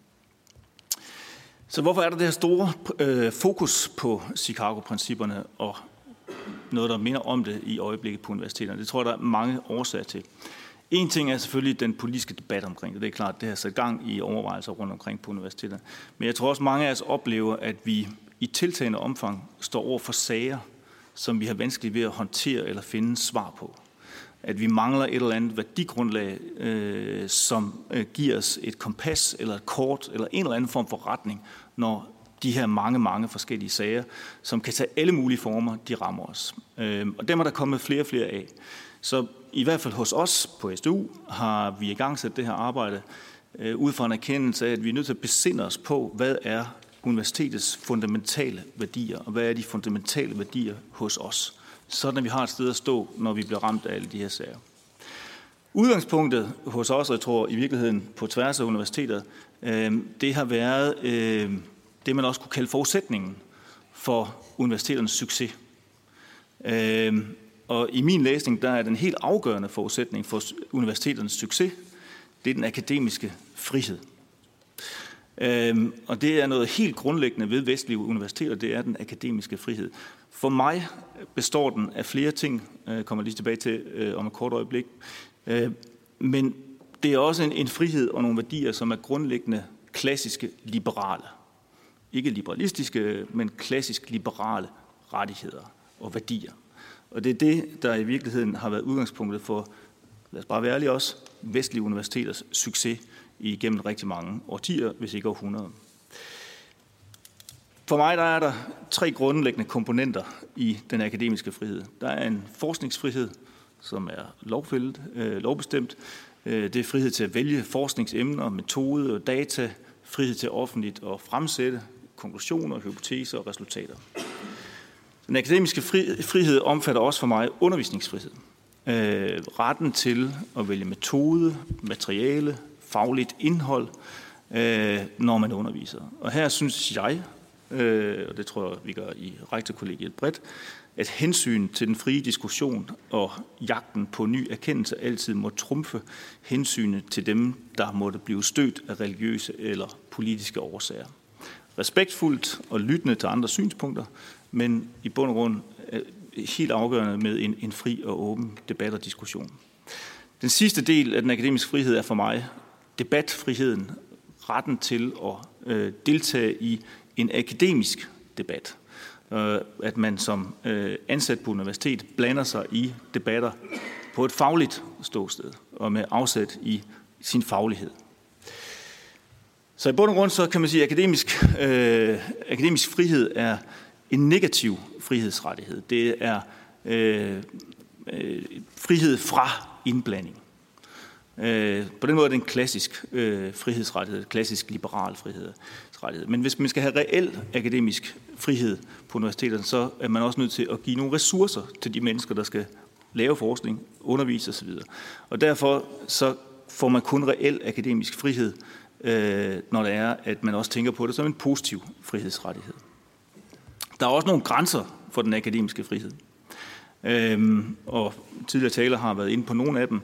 Men metodefrihed betyder jo ikke, at man, hvis man er psykolog, øh, kan anvende tortur i nogle af sin, øh, sin forskning øh, som metode. Øh, det har også været inde på tidligere her, at studieordningen sætter nogle rammer og nogle grænser for, hvad man kan undervise i. Hvis man er ansat til at undervise i makroøkonomi, så kan du ikke undervise i middelalderlitteratur, bare for at sige et eller andet. Øh, og når man deltager i den frie debat, så er man selvfølgelig også begrænset af, at man skal holde sig inden for sit fagområde, når man optræder som forsker i den frie debat.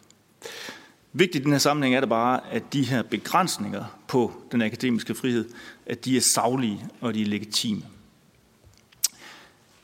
For mig at se, så bliver øh, universiteterne skaber størst værdi, når de bliver sat fri. Når man øh, i virkeligheden ikke blander, når man blander sig mindst muligt i øh, universiteternes indre forhold. Øhm, uanset om det er fyrsten, parlamentet eller hvem det er, så tror jeg, at man igennem øh, århundreder, igennem tiden, har, har nået frem til den erkendelse, at universiteterne gør størst nytte, når de bliver frisat. Og det er virkelig lidt af et paradoks. Hvis man vil have mest ud af universiteterne, så skal man holde snitterne fra dem. Øhm, og øh, det er lidt er, at der er et fantastisk citat, et Humboldt-citat, øh, hvor Humboldt forholder sig til øh, det frie universitet og den frie forskning, øh, og siger, at universitetet skal være frit, men universitetet er statens tjener. Så grundlæggende forståelse af, at universitetet er til for at tjene noget andet, noget større, samfund, staten, men universitetet tjener bedst det formål, når det bliver frisat, øh, og at man ikke fra kirke eller stats andre sider blander sig i det. Jeg vil også sige, at udover at der er nogle begrænsninger på friheden, så er der, så er der heller ikke en betingelsesløs frihed. Øh, igennem årtier er der opstået en eller anden overenskomst mellem dem, der fonder universitetet, øh, og så universiteterne, som handler om, at man får frihed, men det er en betinget frihed. Man får kun den frihed, hvis man kan forvalte den på en ordentlig måde. Og den måde, man forvalter sin frihed på, på en ordentlig måde på universitetet, det er ved at basere sine aktiviteter på nogle grundlæggende videnskabelige standarder, videnskabelig redelighed osv. Det kan vi på universiteterne, og det gør vi øh, dagligt øh, med stor effekt. Så tror jeg, hvis frem til, til det, der vil med mine hovedpointer her. Øh, Jeg tror af mange årsager, at det er enormt vigtigt og godt, at universiteterne i de her måneder har drøftelserne om nogle grundlæggende værdier. Jeg er ikke sikker på, at vi øh, i tilstrækkeligt omfang i de forgangne år, eller forgangne årtier, har haft de drøftelser. Men jeg synes, det er entydigt godt, at vi nu har de drøftelser og besinder os på vores grundlæggende øh, værdier og fundamentale værdigrundlag. Det er sundt. Så vil jeg sige, at de arbejder, der pågår rundt omkring på universiteterne, de er øh, fra en kant af inspireret af Chicago-principperne. Det kan godt være, at de ikke finder vej til de her værdigrundlag eller erklæringer som Chicago-principper, men ikke desto mindre så tankegodset, det vil være meget overrasket, hvis det ikke er det, som kommer ud af de her processer, der, der øh, pågår på universiteterne, og som vil blive samlet op på den anden side af sommerferien i regi af danske universiteter. Interessant nok, så har jeg også oplevet en meget, meget stor intern opbakning til det her arbejde. Øh, vi har egentlig oplevet øh, på SDU at sparke en åben dør ind. Der har været stor, stor tilslutning til det. Hvilket også fortæller mig et eller andet sted, at der har måske været et måske relativt stort, men ikke særlig vokalt flertal, øh, som abonnerer på de her principper, som man også kan genfinde i øh, Chicago-principperne. Til sidst vil jeg sige, at jeg tror, at de bedste rammer for frembringelsen af og formidling af viden ind til allerhøjeste internationale niveau. Øhm, den får man også, når forskellige aktørgrupper øh, forvalter de roller, man nu engang er tildelt på bedst øh, mulig vis. På universiteterne, øh, der skal vi værne om de akademiske friheder. Vi skal stille ressourcer til rådighed, men vi skal også sikre en høj kvalitet og en videnskabelig redelighed det, der foregår på universiteterne. Og jeg tror egentlig også, at vi skal tilstræbe pluralisme. Der kommer noget virkelig godt ud af pluralisme, som der også tidligere er blevet påpeget. Ansatte på universiteterne øh, skal leve op til akademiske standarder, akademisk redelighed og øh, forvalte rollen i respekt for de grænser, der er for de akademiske frihedsrettigheder. Omgivelserne, rollen her vil jeg mene, sætte nogle rammer til at øh, skabe nogle rammer for universiteterne, og så i videst mulig omfang respektere universiteternes autonomi, så tror jeg, at man får allermest nytte ud af universiteternes aktiviteter.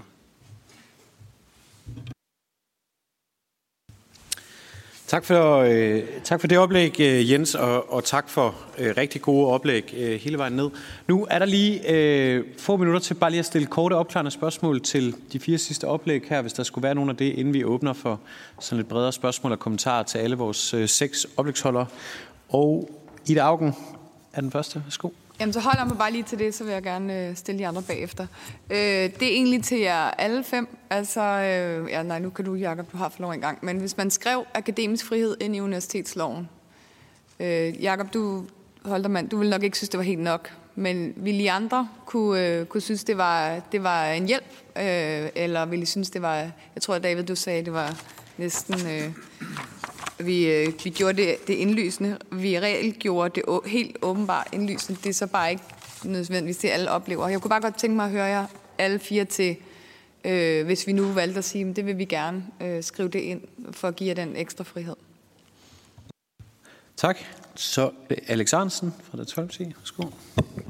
Ja, jeg har lige et enkelt opklarende, så må vi tage de andre spørgsmål bagefter, hvis det er ok. Og det er til Søren Hvidkær, du er, så vidt jeg husker, sagde, tal meget hurtigt og meget lavt, men jeg hørte dig sige, at øh, øh, man har retten til øh, at være, man har friheden til at være anti-woke, men man har også øh, frihed til at være woke.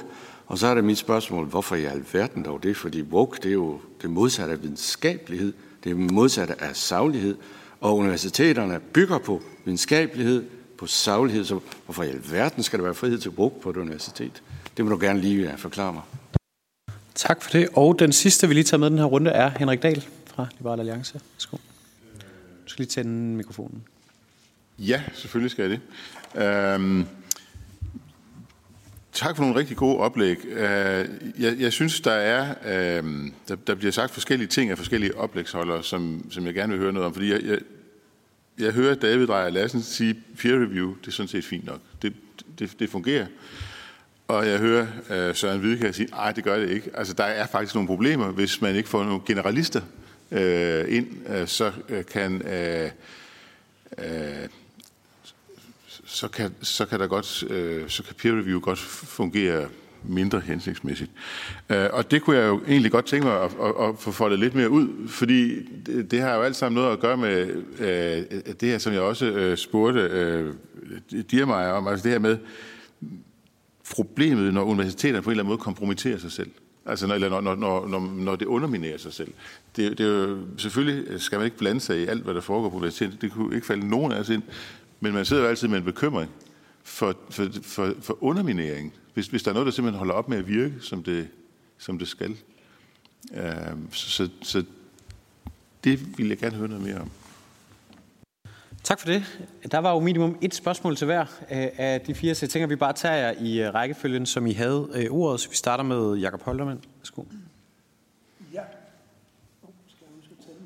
Det må du hælde på speak-knappen. Ja, jeg har gået længe på universitetet.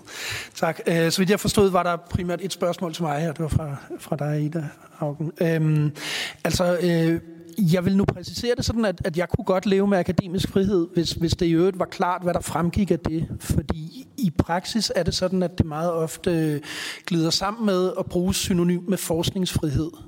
Og øh, der er vi på to forskellige abstraktionsniveauer eller generaliseringsniveauer. Øh, øh, øh, akademisk frihed er, er genusbegreb for øh, det specifikke begreb forskningsfrihed.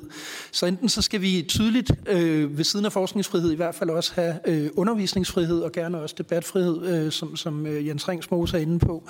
Men ellers hvis vi går et abstraktionsniveau op og taler akademisk frihed, så skal det specificeres øh, i en eller anden forstand, præciseres i forarbejderne osv., hvad der egentlig ligger i det det er, øh, men, men jeg ser undervisningsfrihed som et underbegreb øh, for den akademiske frihed. Så, så i princippet kan jeg være tilfreds med det, øh, afhængig af, hvor, hvor omhyggeligt et, et lov øh, vedtagelsesarbejde I nu øh, kunne, kunne drive det til i fællesskab. Tak. David? Ja, tak. Øh, I forhold til det første med akademisk frihed, øh, jeg håber, at det, jeg sagde, det var, at øh, det kan synes som at, at reelt det åbenlyse, men at jeg var faktisk eksplicit på at sige, at man kunne godt have været mere præcis i forhold til forskningsfrihed versus akademisk frihed. Jeg er helt enig med Jacob. Altså det er klart, at hvis man begynder at tale om akademisk frihed, så skal man lige være skarp på, hvad, hvad mener man med det. Men, men det øh, fungere fint øh, for os. Øh. I forhold til det andet, hvis jeg lige må tage Henriks øh, spørgsmål også. Øh, Altså peer review, øh, jeg tror, vi har diskuteret det før. Øh, altså det er jo det, det mindst ringe sådan, generelle system i en eller anden forstand. Sikrer det mod øh, små enklaver, der bliver enige med sig selv? Øh, nej, det gør det ikke. Øh, der kan man gøre flere ting. Man kan gøre, som man gør på, på, på CBS. Øh, det vi har gjort, jeg synes med en vis succes øh, på Københavns Universitet, det er at få folk helt udefra til at kigge på vores øh, institutter øh, Øh, og deres forskning. Øh, og på den måde er det jo generalister, fordi det er sjældent, at der kommer tre personer ind, der skal kigge på det helt instituts portefølje. Men det vi i det mindste, eller hvad kan man sige, vores filosofi har været, øh, frem for at kigge på det selv, så vil vi gerne have nogen, der kommer fra de allerbedste universiteter ude i verden til at kigge på det. Og vi er ret sikre på, at hvis de øh, fandt noget, som var, som Søren sagde, oplyst lav, eller oplagt lav kvalitet, jamen så ville de øh, anråbe det i, i, i de rapporter, som jeg sidder som endelig modtager af. Øhm, Endelig så kan man jo altid arbejde mere på, øh, og det er faktisk også noget, vi, vi er begyndt på, øh, det her lidt mere interne arbejde på at sikre, at øh, alle at seminarer er åbne, at, at ting kommer til kritisk debat. Jeg er bare ikke sikker på, at det er nok mod den bekymring, som jeg synes, du, du retfærdigt tager frem. Øh, men jeg har relativt stor tiltro øh, til vores institutions, øh, eller undskyld, institut evaluering. Tak. Tak for det. Søren? Ja, tak. Og øhm, i forhold til øh, spørgsmål omkring akademisk øh, og undervisningsfrihed i universitetsloven. Øh, ja, det kan give god mening. Jeg er sådan set øh, meget enig med, med, hvad der bliver sagt her, men det skal selvfølgelig defineres, øh, som, som Jens også sagde, der, der kan være, øh, altså, hvad er det for nogle specifikke grænser, det, det skal det kan tænkes igennem, men, men øh, det kan sagtens øh, skrives ind, som, som jeg ser det. Når jeg nævnte, øh, og i spørgsmålet i forhold til øh, woke og anti-woke, øh, så er det jo sådan, at ja, altså, øh, det er usagligt, og, og det kan man være enig øh, eller uenig i, at, at det er usagligt. Det, øh, udfordringen er, at vi skal ud og definere det, øh, og når vi begynder at være meget skarpe på at definere, øh, hvad der ligesom er woke, øh, jamen så, så har vi allerede sat begrænsninger øh, i friheden. Og, og det er så spørgsmålet, hvor de begrænsninger de går. Øh, så øh, så man kan sagtens finde, er sikker på, eksempler på noget, der er øh, meget øh, usagligt og øh, skal sige, uvidenskabeligt, øh, men, øh, men det kræver en, en klar definition af, øh, hvad, hvad vi ønsker. Øh, så, så det, og det er en begrænsning, øh, som, øh, som ikke er nemt at, at definere ex ante, som jeg ser det. Øh, så i forhold til, øh, til, til Henrik Dahls øh, spørgsmål omkring ja, undermineringen, og, og jeg kunne måske bare nævne også, at, at vi har selvfølgelig en af de ting, som er også enormt vigtige, er, er institutevalueringen på, øh, som, som, som foretages løbende, øh, netop af internationale eksperter. Øh, og der har vi faktisk også en, en politik om, at vi har øh, nogen, der er eksperter inden for instituttets felt, og så har vi nogen, som er eksperter øh, uden for feltet, øh, som, ja, som ikke er fageksperter i det felt. Tak for det. Og Jens, værsgo. Ja, tak for det. Øhm, akademisk frihed ind i universitetsloven, eller ej? Jeg tror ikke, det kommer til at gøre voldsom skade nødvendigvis. Spørgsmålet er, om der er et stort behov. Øh, jeg synes jo egentlig, at universiteterne øh, tager opgaven på sig i et meget, meget betydeligt omfang, og jeg synes jo også, det der øh, blev talt om tidligere, hvad der rent faktisk foregår på universiteterne i øjeblikket, øh, vidner om, at, øh, at der er en erkendelse af, at øh, på en eller anden måde skal det håndteres og, og behandles på universiteterne. Igen, jeg, jeg, jeg er ikke sikker på, at det kommer til at gøre kæmpe stor skade, men jeg er heller ikke sikker på, at det kommer til at adressere et behov, som er meget, meget tydeligt, øh, og skrive det ind. Øh, peer review, øh, der er jeg fuldstændig på linje med David. Altså, det er det, er det mindst ringe, vi har. Øh, jeg kan ikke komme i tanke om andre systemer, som er bedre. Det har nogle begrænsninger, og det, det, det kan øh, føre uheldige øh, beslutninger med sig, men det er det mindst ringe, vi har. Det vi fra universiteternes side kan gøre, øh, er at sikre, at, at peer-reviewet og fagfældebedømmelserne bliver øh, afspejler en eller anden form for pluralitet eller pluralisme. At vi for eksempel trækker på øh, internationale kolleger, øh, og at det ikke bliver et meget, meget lille lukket miljø, hvor vi laver peer reviews i. Øh, vi gør det i stort omfang på SDU, også når vi uddeler penge internt osv., så, videre, så er vi altid for, at der kommer internationale øh, fagfælder på. Øh, det, det, jeg tror, vi på universiteterne kan være opmærksom på, det er at sikre den der pluralisme i, øh, i fagmiljøerne når pluralismen den går tabt, altså, så, så, så, så bliver det tricky. Øh, så det skal man selvfølgelig være opmærksom på som universitetsledelse. Er der en pluralisme i inden for et fagfelt? Tak for det. Så øh, åbner vi op for, øh, for spørgsmål til øh, alle seks, øh, alle seks oplæg, også øh, sådan øh, øh, generelle øh, kommentarer. And Chancellor Diermeier, just to let you know that we are now beginning the, the, next Q&A uh, session where uh, the members of the committee also have the, the possibility to, to ask you uh, questions. And, thanks for, for hanging around uh, while we, we had the, continued the hearing in, Danish. Um, den første på talerlisten er Ida Augen. Værsgo. Mange tak. Et spørgsmål til, uh, til David. Øh, du sagde, at, øh, eller Søren sagde faktisk, at ansættelse er den vigtigste beslutning, man tager. Og det er der, CBS har CWAC og laver noget af det her kvalitetssikring. Men, øhm, og man kan også se, at Jakob der sidder siden af der, er tydeligvis ikke bange for at sige sin ledelse midt imod. Øh, det gjorde han jo, bevist han jo her i dag. Men, men man kan måske have en frygt for sin ansættelse. Altså, øh, om det så spiller ind, øh, at man har været meget vokal over for sin ledelse. Øh, hvordan imødegår man den frygt, som måske kan få nogle forskere til ikke at turde tage nogle af de her diskussioner og kampe, hvis de for eksempel er uenige med, med nogle af jer i ledelserne, der, der lyder som om, der ikke er noget voldsomt stort problem. Det er der jo tydeligvis, eller det er der i hvert fald nogle ansatte, der, der oplever. Jeg kan også se, der blev nikket hernede bagved. Øhm, så har jeg et spørgsmål til Søren Hvidkær, der siger frihed for Loke såvel som for Thor. Og maybe I can post this question in English because I would love to hear Daniel's answer to it too. So, are there any limits to what kind of discussions we could have at universities? Are we just going for freedom? I mean, can we have uh, Islamistic discussions where women are not allowed? Or could we have, there was a, an example at Copenhagen University, which I think was misrepresented in the press, which often happens because, of course, it should be allowed to discuss whether Islam should be modernized, but there were doubts whether people were segregated in female and male. Could there be a solution uh, where you, where we in Denmark look at what what Daniel Diemeyer said, well, this goes to our values. If you start to separate women, this is not something we can allow. But of course, the discussion, uh, if we could have communists who do not respect democracy, we can have Islamistic discussions who do not uh, respect democracy. I think for us, it's very hard to find that kind of balance of how far does this freedom go. Uh, so I would like to hear both Daniel's uh, expre- uh, reflections on are there any kind of limits to to what could be discussed or in which context under which settings um, and and maybe also hear uh, uh, David's uh, thoughts on this and, and maybe also Jens because you were speaking about values and if Jakob wants to come in maybe with some reflections too I think it's interesting Tak. And we'll just take one uh, question more. Uh, Alex Arnsen. Thank you first to uh, Mr. Dierman. Um, it's just a quick question.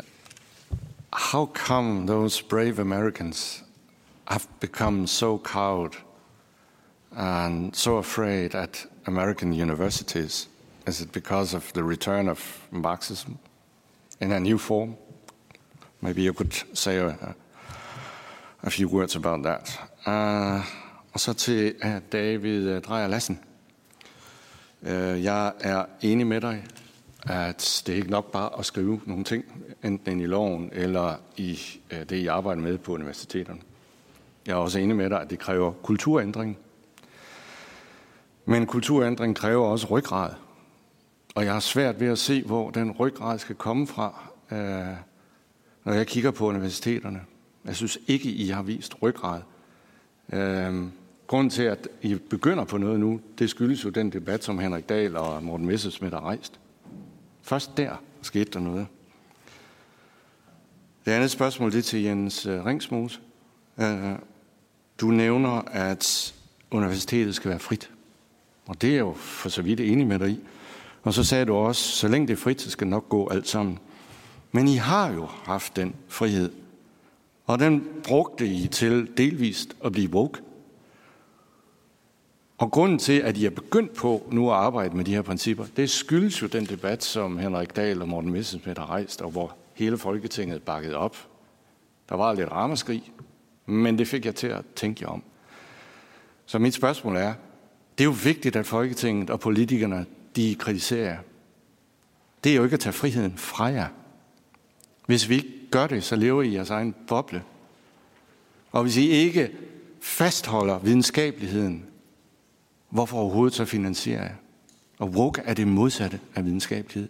Det skal, altså, jeg kan ikke sige det kraftigt nok. I bliver nødt til at tage det med vingebenet, og det skal ud af, af universiteterne. Ellers så gør jeg selv skade. Tak for det. Jeg tænker, at vi starter med øh, David, som jeg både fik et spørgsmål fra, fra Ida og fra Alex, inden vi tager Daniel Diernemeyer med, og så Søren og, og Jakob fik også smidt bolden op, hvis han ville kommentere på det, og så slutter vi af med Jens. Men øh, først David. Ja, og nu, vi, det er okay, jeg svarer på engelsk, ikke, uden at vi inkluderer, eller på dansk, undskyld, uden at vi inkluderer vores øh, godt. Øhm, det første spørgsmål, det var det her med, øh, ja, med sikkerheden i ansættelsen i en eller anden form. Og der, altså, der må jeg sige, det er jo, det er jo svært på den måde, at øh, man, man, man har den ytringsfrihed, øh, man har. Bedømmelser på universitetet foregår i første omgang af et fagligt udvalg. Derefter er der en institutleder og hos os en dekan, det er muligvis anderledes andre steder, som er inde over. Og i den forstand er der jo indbygget i systemet et sådan et checks and balance, at hvis et bedømmelsesudvalg gør noget sådan, øh, af, lad os sige, i en, i en, i en øh, tænkt situation af politiske årsager for eksempel, jamen så er der en eller anden form for mulighed for at, at, at vurdere det fra en faglig, faglig ledelse, som jo institut og det, instituttet og det kan jo begge er. Øhm, I forhold til, om der opstår øh, bekymringer øh, hos den ansatte, altså det, er jo, det må jo øh, klares gennem dialog, tænker jeg. At der er ikke, øh, det, det kan jeg ikke sidde på den måde her og garantere, at der ikke er nogen ansatte, der er bekymret over, hvis de, hvis, de, øh, hvis de øh, udtaler et eller andet omkring deres arbejdsplads. Det kender vi jo også fra hele den offentlige sektor. Det, det er ikke noget på den måde, at vi kan skrive ned og sikre os imod, fordi who knows, hvad der i sidste ende er det, som afgør en ansættelse, som, som ofte på universiteterne er knivskarp, fordi der er så mange ansøgere. Så, så det vil jeg sige, hvis man er bekymret for det, så må man tage en dialog med sin leder, og hvis man oplever, at ens nærmeste leder ikke øh, er klar på den debat, jamen så må man tage den videre. Øh, og det er sådan set en debat, som, som øh, vi rigtig gerne vil have, skulle det forekomme. Øh, det er ikke... I mange år har, har blandt andet øh, magasinet Forskerforum dækket universiteterne videnskabeligt. Øh, det, er, det sker, der er sager af den her slags, eller sager, der smager af den her type, og så bliver de, bliver de afdækket, og typisk bliver de også håndteret. Men det, det, jeg kan ikke garantere eller regelgøre det, men, men dialog er vejen frem. I forhold til det her med begrænsninger på, hvad man kan tale om, altså i udgangspunktet, jeg tror, det er lidt vigtigt at tale, som, som Søren også gjorde før, om at skille ad, hvad er den akademiske debat og undervisningen, og hvad er universiteterne som arbejdsplads. Og det er, egentlig, det er egentlig den vigtigste skillende. I det her med, hvad der er den akademiske debat, der kan og skal man kunne diskutere alt. Jeg vil sige bare internt på universitetet, altså der er en meget, meget stor, jeg kommer selv fra samfundsvidenskab, en meget, meget stor del af antropologerne tror ikke en døjt på det, jeg laver som økonom. Ingenting overhovedet. De mener, det er galskab, men de accepterer, at jeg får lov at sidde og gøre det, jeg gør. Og mine økonomkolleger accepterer, at antropologerne sidder der, fordi vi forstår godt, at der bliver lavet forskellige ting. Øh, og når det så er sagt, så vil jeg lige nævne, at altså selv i årsreglerne fra University of Chicago, Student Handbook, der står også, at man skal behandle hinanden med øh, dignity and respect, som der står. Og det er jo, hvis det bliver taget ind i en dansk politisk kontekst, så vil vi hurtigt kunne øh, elastikgøre de begreber. Der nogen skal bestemme, hvad der er dignity, nogen skal bestemme, hvad der er respect. Og det er selvfølgelig også en afspejling af, at man også i USA har et, et øh, hvad der minder om en arbejdsplads, både for studerende og for, for ansatte på universitetet. Så det er vigtigt at få skilt de der, som Søren siger, arenaerne ad. Øhm, den sidste ting, det var det med ryggraden. Øhm, ja, jeg sidder her oprejst. Jeg har en eller anden form for ryggrad. I udgangspunktet vil jeg sige, øh, jeg mener på den ene side faktisk ikke, at det er et stort problem, og det var også det, jeg sagde i mit indlæg. Jeg mener, i forhold til, hvad vi ser i USA, og de historier, vi har set fra USA, så mener jeg, at danske universiteter stort set ikke har været påvirket af det her. Det er den ene ting. Den anden ting, og det er det, som er det lidt svære en gang imellem, det er det her med, Altså, der foregår jo også ting rundt omkring på de danske universiteter, hvor jeg spærrer øjnene op og tænker, hold da op, kan man forske i det? Men det er det, universiteterne er der for. De er der for at afsøge de vilde ting, og nogle gange kigger man på dem, så finder man ud af, og det gjorde man i, med nogle af den måder, man lavede forskning på i 70'erne, det er der ikke så meget af mere, fordi man har kigget på det, og det er blevet, om jeg så må sige, dømt ude i den, i den videnskabelige verden. Ikke af politiske årsager, ikke af andre årsager, men i den videnskabelige verden. Det var ikke noget, der gav fremdriften. Men nogle af tingene har vi lært af, og nogle af tingene får lov at, at leve videre. Tak. Tak for det. Uh, and then I would like to, to give the word to you, uh, Chancellor Diermeyer, for, for the questions directed to you. Thank you. So um, let me let me take the the question in reverse order. So the first question was um, about like what happened and you know what are the what are the what are the reasons for why we find ourselves in this in this position and um, I mean, one of the most interesting, I think, developments is is that this uh, the whole debate on on free speech is, is exactly the opposite than it is in the 1960s. So in the 1960s, um, it was the political left that was, you know, in the United States really pushing for the free speech movement um, at, at Berkeley and at other places, and that has that has totally flipped 180 degrees. Um, it's it's it's not totally obvious for what's happening here, but the the description is, and again, this is in the United States context, is that the threats to free speech um, and um, open discourse at university inside universities largely come from the left, from the political left. From outside, so um, state legislature and so on, they usually come from the right. Um, and these things, of course, reinforce each other. So you have some event in a university, and then politicians, um, usually from the political right, um, you know, want to kind of come in and, and, and start regulating that. Um, the the I think one the, the the what's happening is that we have had over the last mm, 10, 15 years um, universities, especially private universities, have done an enormous amount of work to make their universities more accessible um, to groups that usually would be underrepresented at those universities. Uh, these are members of minority groups, um, first generation students, um, and so forth. and that's a it's a terrific thing, and um, an enormous amount of resources have been spent. But it's not just the resources; it's also a commitment to uh, diversity and inclusion. And so the campuses now at the elite private universities in the United States look very, very different than it did 10, 15 years ago. And these students bring their perspectives uh, into the classroom and into the university, and they want them to be addressed and they want them to be center stage. And I think that's terrific. I think that's a, that's a wonderful uh, that's a wonderful direction and really useful for universities. The problem is that um, then how these things are are articulated and how are they navigated, uh, that's not working. That's not always working very well. Um, and um, I think there is, you know, there are some kind of ideological aspects that just kind of, you know, add fuel to the fire here. Um, so and and and so you have the the kind of ideological context, and then you have also the fact that you know students naturally try to utilize their own environment to kind of try out their own political activism. And that and then i think we get then sometimes we just overshoot um, it's there's there's no doubt that there are that there's still issues problems with diversity inclusion and creating a culture of belonging at you know the great, great private universities. But uh, there are no other places in the country that are as welcoming uh, to these students than universities. So it's more like you, you, you act and you work and you try to affect social change in the environment where you are right now, the universities are not the place that are suppressing you know minorities. They're not racist institutions anymore. They're not sexist. They're not you know there's always issues about inequities but compared to other parts of the university they're much further ahead of the game. So i think that um, that both the ideological context and this, kind of massive expansion of, of students that come from traditional marginalized backgrounds really adds kind of fuel to the fire.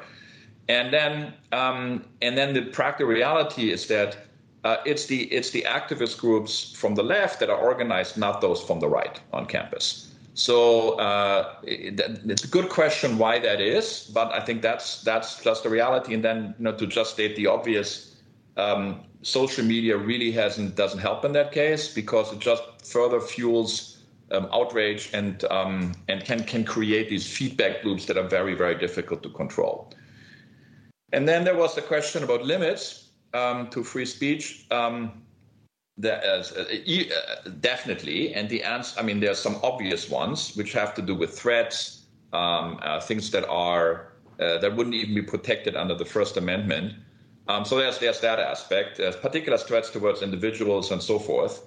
Um, there's I think there's also a um, there is uh, a, a sense where how do we do this it's just as important of what the content is. So you mentioned kind of you know what if we have like you know fundamentalist um, you know beliefs that that that are totally at odds um, with our commitment to diversity and inclusion. My sense, though, the, the way this should be done is uh, we should have we should give them a forum and we should have a debate discussion on that but then those point of views need to be debated so if we have a if we have a you know a a representative of let's say a kind of you know fundamentalist religious tradition that's that's advocating for you know the repression of women I, I don't think that hurts our students to hear that. But then there needs to be then there needs to be debate and then and then it and then a good format for doing that is not to give that that speaker speaker just kind of a podium, but to engage in vigorous debate with faculty members uh, or with other students, so that these that these these beliefs can be challenged. That becomes a useful educational experience, and so I think it's very important not to think about these as these kind of you know things of are like these walls and and you know you can't go on. It's more like how do you navigate it? How do you structure it? and how do you think about it um, as an example for a, a, you know an educational a learning opportunity. Uh, and if i just may i just give you one one example uh, from this from my you know from my own university. So our we have a you know we have athletics teams and one of them is a women's basketball team. And our women's basketball team uh, decided in support of um, or in, in protest against racial injustice not to go out before the game um, doing the national anthem. That's kind of a tradition in like you know many athletic events in the United States, especially in college. Start with the national anthem. Everybody stands up. You look to the flag, and it's a sign of respect. So they didn't do it. It was a it was a powerful gesture that originated in the civil rights movement, and they wanted to stay in the you know in the locker room. Now I got a lot of angry letters from some of my alums that said, you know, you are disrespecting your country, you are disrespecting people that served in the military.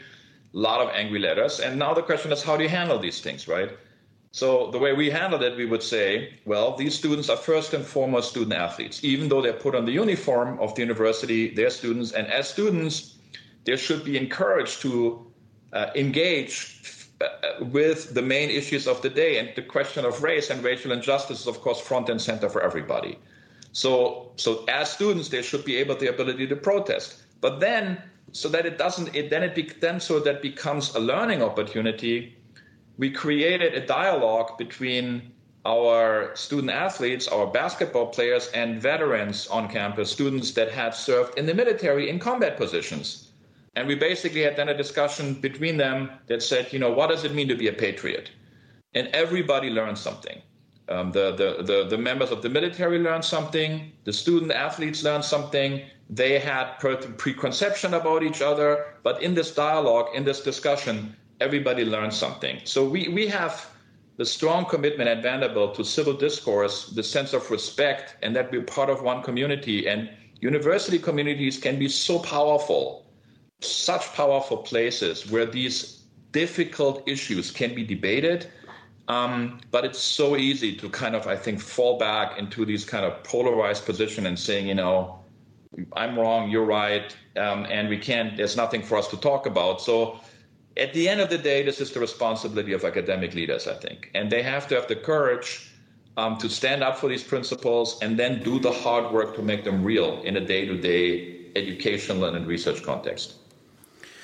Thank you uh, very much, Chancellor Diamara. And also, uh, because I think time is is progressing, so we won't get back to you again. So just uh, to say thank you very much for your particip participation in the hearing uh, today and for sharing your perspectives. It has been really interesting to, to, to have you uh, with us today. So thank you very much. Thank you. My, I appreciate it. Thank you very much. Thank you.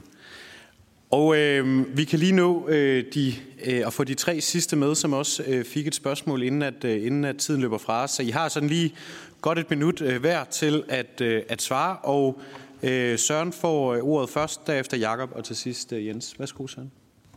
Ja tak, og øhm, jeg tror det primært var spørgsmålet fra Ida Augen omkring, øh, er der begrænsninger, skal der være begrænsninger? Der er selvfølgelig lovmæssige begrænsninger, det er givet, men når det så er sagt, så er det meget svært at sætte nogle begrænsninger ikke ante, og, og der har for eksempel Aarhus Universitet jo netop skrevet det ind, Øhm, at idéer og tanker skal frit kunne undersøges og diskuteres. Det gælder også, selvom disse om for nogen kan forekomme at være ubehagelige, forkerte eller endda anstødelige. Så udgangspunktet er, at, at øh, altså det er, øh, det er meget, vi vil, vi, der er meget hvide rammer øh, inden for lovgivningen.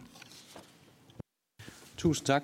Øh, Jakob, vil du du, blev, du fik sådan lidt spidt bolden op, hvis du havde lyst, tror jeg, fra Ida til at kommentere på det. Men det, Jamen, det er jo klart, at, øh, at, at lovgivningen selvfølgelig sætter øh, nogle, nogle, nogle rammer. Dem kan man være enige eller uenige om det trækker det rette sted, men, men det er klart, det skal, det skal man selvfølgelig leve op til. Jeg synes, det der er helt afgørende, det er ligesom at sige, at meningstilkendegivelse skal som det absolut klare øh, øh, hovedregel være, være frie, og det vil sige, at der skal ikke være en regel om, at øh, Hizbut-Tahrir ikke må deltage i en debat på, øh, på, på, på et universitet. Det skal de, og de skal kunne udfordre det samme skal kommunister øh, og, og andre. Det er også derfor, man ikke kan efter min opfattelse i hvert fald, gå ind og definere, altså hvad er woke? Det kan der være alle mulige øh, hvad hedder det, holdninger til, men hvis, hvis, hvis, hvis Folketinget skal gå ind og sige, hvad, hvad er woke, øh, så kommer vi meget hurtigt over i noget, hvor vi siger, øh, vi går ind og definerer, hvad der er rigtigt og forkert. Altså hvis, hvad, hvad er så øh, universiteternes rolle? Som sagt, så ved jeg ikke, hvor mange der underviser i økonomisk demokrati mere på, på, på, øh, på universitetet. Det virker som en, en idé, som, som er død, og, og der er alle mulige andre idéer, som, øh, så, som, er, som er døde. Øhm, så er det selvfølgelig klart, at så kan man jo diskutere, om, om universiteterne er gode nok til det, om der opstår nogle, nogle doktriner eller dogmer, som, som, som hviler på dårlig videnskabelig øh, grund. Øhm, det, skal man, det, det, det må universiteterne selvfølgelig stå på mål for og, og kritisere sønder og sammen for, hvis de, hvis de forlader det. Tak. Og Jens, værsgo. Ja, tak. Øh, første spørgsmål om grænserne for den frie debat. Øh, der er nogle grænser et eller andet sted. Det tror jeg alle sammen, vi kan være enige om. Der er nogle ting, som er beyond, hvad vi kan tillade på en eller anden måde. Jeg synes, de grænser de skal ligge utrolig langt ud, og vi skal hele tiden teste, om de er derude. Vi har to konkrete eksempler for nylig på, på SDU. Øh, en øh, gallerist for Kurt Vestergaard øh, blev inviteret af konservative studerende, som havde lånt et lokale hos os. Øh, og øh, der fik vi nogle henvendelser fra studerende og teknisk service, øh, som havde noteret sig, at der hang plakater rundt omkring på gangene med Mohammed-tegning på.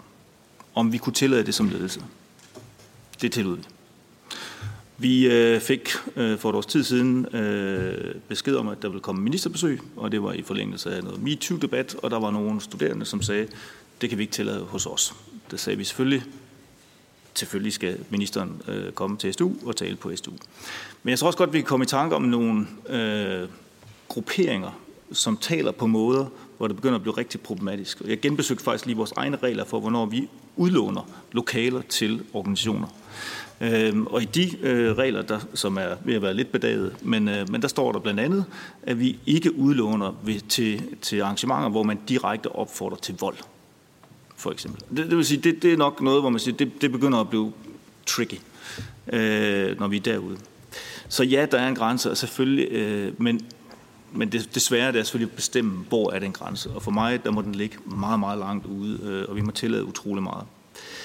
Woke, der er altså nok lidt på, på, på, på side med, med resten af panelet her. Jeg synes ikke, det er noget stort problem på de danske universiteter. Øh, slet slet ikke sammenlignet med, hvad vi ser i USA og Storbritannien og andre steder i den angelsaksiske verden, hvor det er en udfordring og et stort problem. Det er jeg fuldstændig enig med. Vi ser ansatser til det nogle steder. Øh, I det meget små. Øhm, og det er også derfor, at vi er opmærksom på det, og vi agerer på det. Det er derfor, vi i gang sætter værdigrundlag. Det er fordi, vi, vi bliver ramt af de der sager. Øh, hvis ikke ugenligt, så i hvert fald månedligt. Og vi mangler et eller andet sted at stå, når vi skal håndtere den der. Vi mangler et kompas. Og derfor så synes jeg faktisk også, at de der drøftelser, vi har rundt omkring på universiteterne, de er enormt nyttige.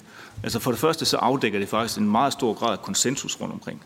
Øh, for det andet, bare det, at du har den debat og den refleksion over, hvad er det egentlig for et værdigrundlag, vi står på, den tror jeg er enormt nyttig. Så øh, hvis det er woke, så er det godt nok i, øh, i det meget, meget små, vil jeg sige. Godt. Tak for øh, det svar, og tak for øh, jeres deltagelse øh, som oplægsholder. Det har været nogle enormt interessante øh, oplæg og, og svar. Jeg synes, vi er kommet rigtig godt rundt om, øh, om et, et vigtigt emne, og jeg er helt sikker på, at debatten øh, fortsætter både øh, herinde i, i Folketinget og i Øh, på universiteterne og i, det, og i det akademiske miljø, og det er vel også lige præcis igennem den debat og, og samtale, at det her spørgsmål også kommer til at, at udfolde sig og udvikle sig. Så, så tusind tak til, til oplægsholder for jeres deltagelse. Tak til alle jer, der kom og så med derhjemme, og ikke mindst øh, selvfølgelig også tak til udvalgets medlemmer for at, at deltage. Tak til det øh, underudvalg af, af Jens Henrik og Ida, Ulla og Henrik, som har arbejdet med planlægningen af dagen i dag, og selvfølgelig også tak til, til udvalgssekretariatet for god planlægning. Vi når ikke mere, så øh, tak for i dag, og lad det være de, øh, de afsluttende ord.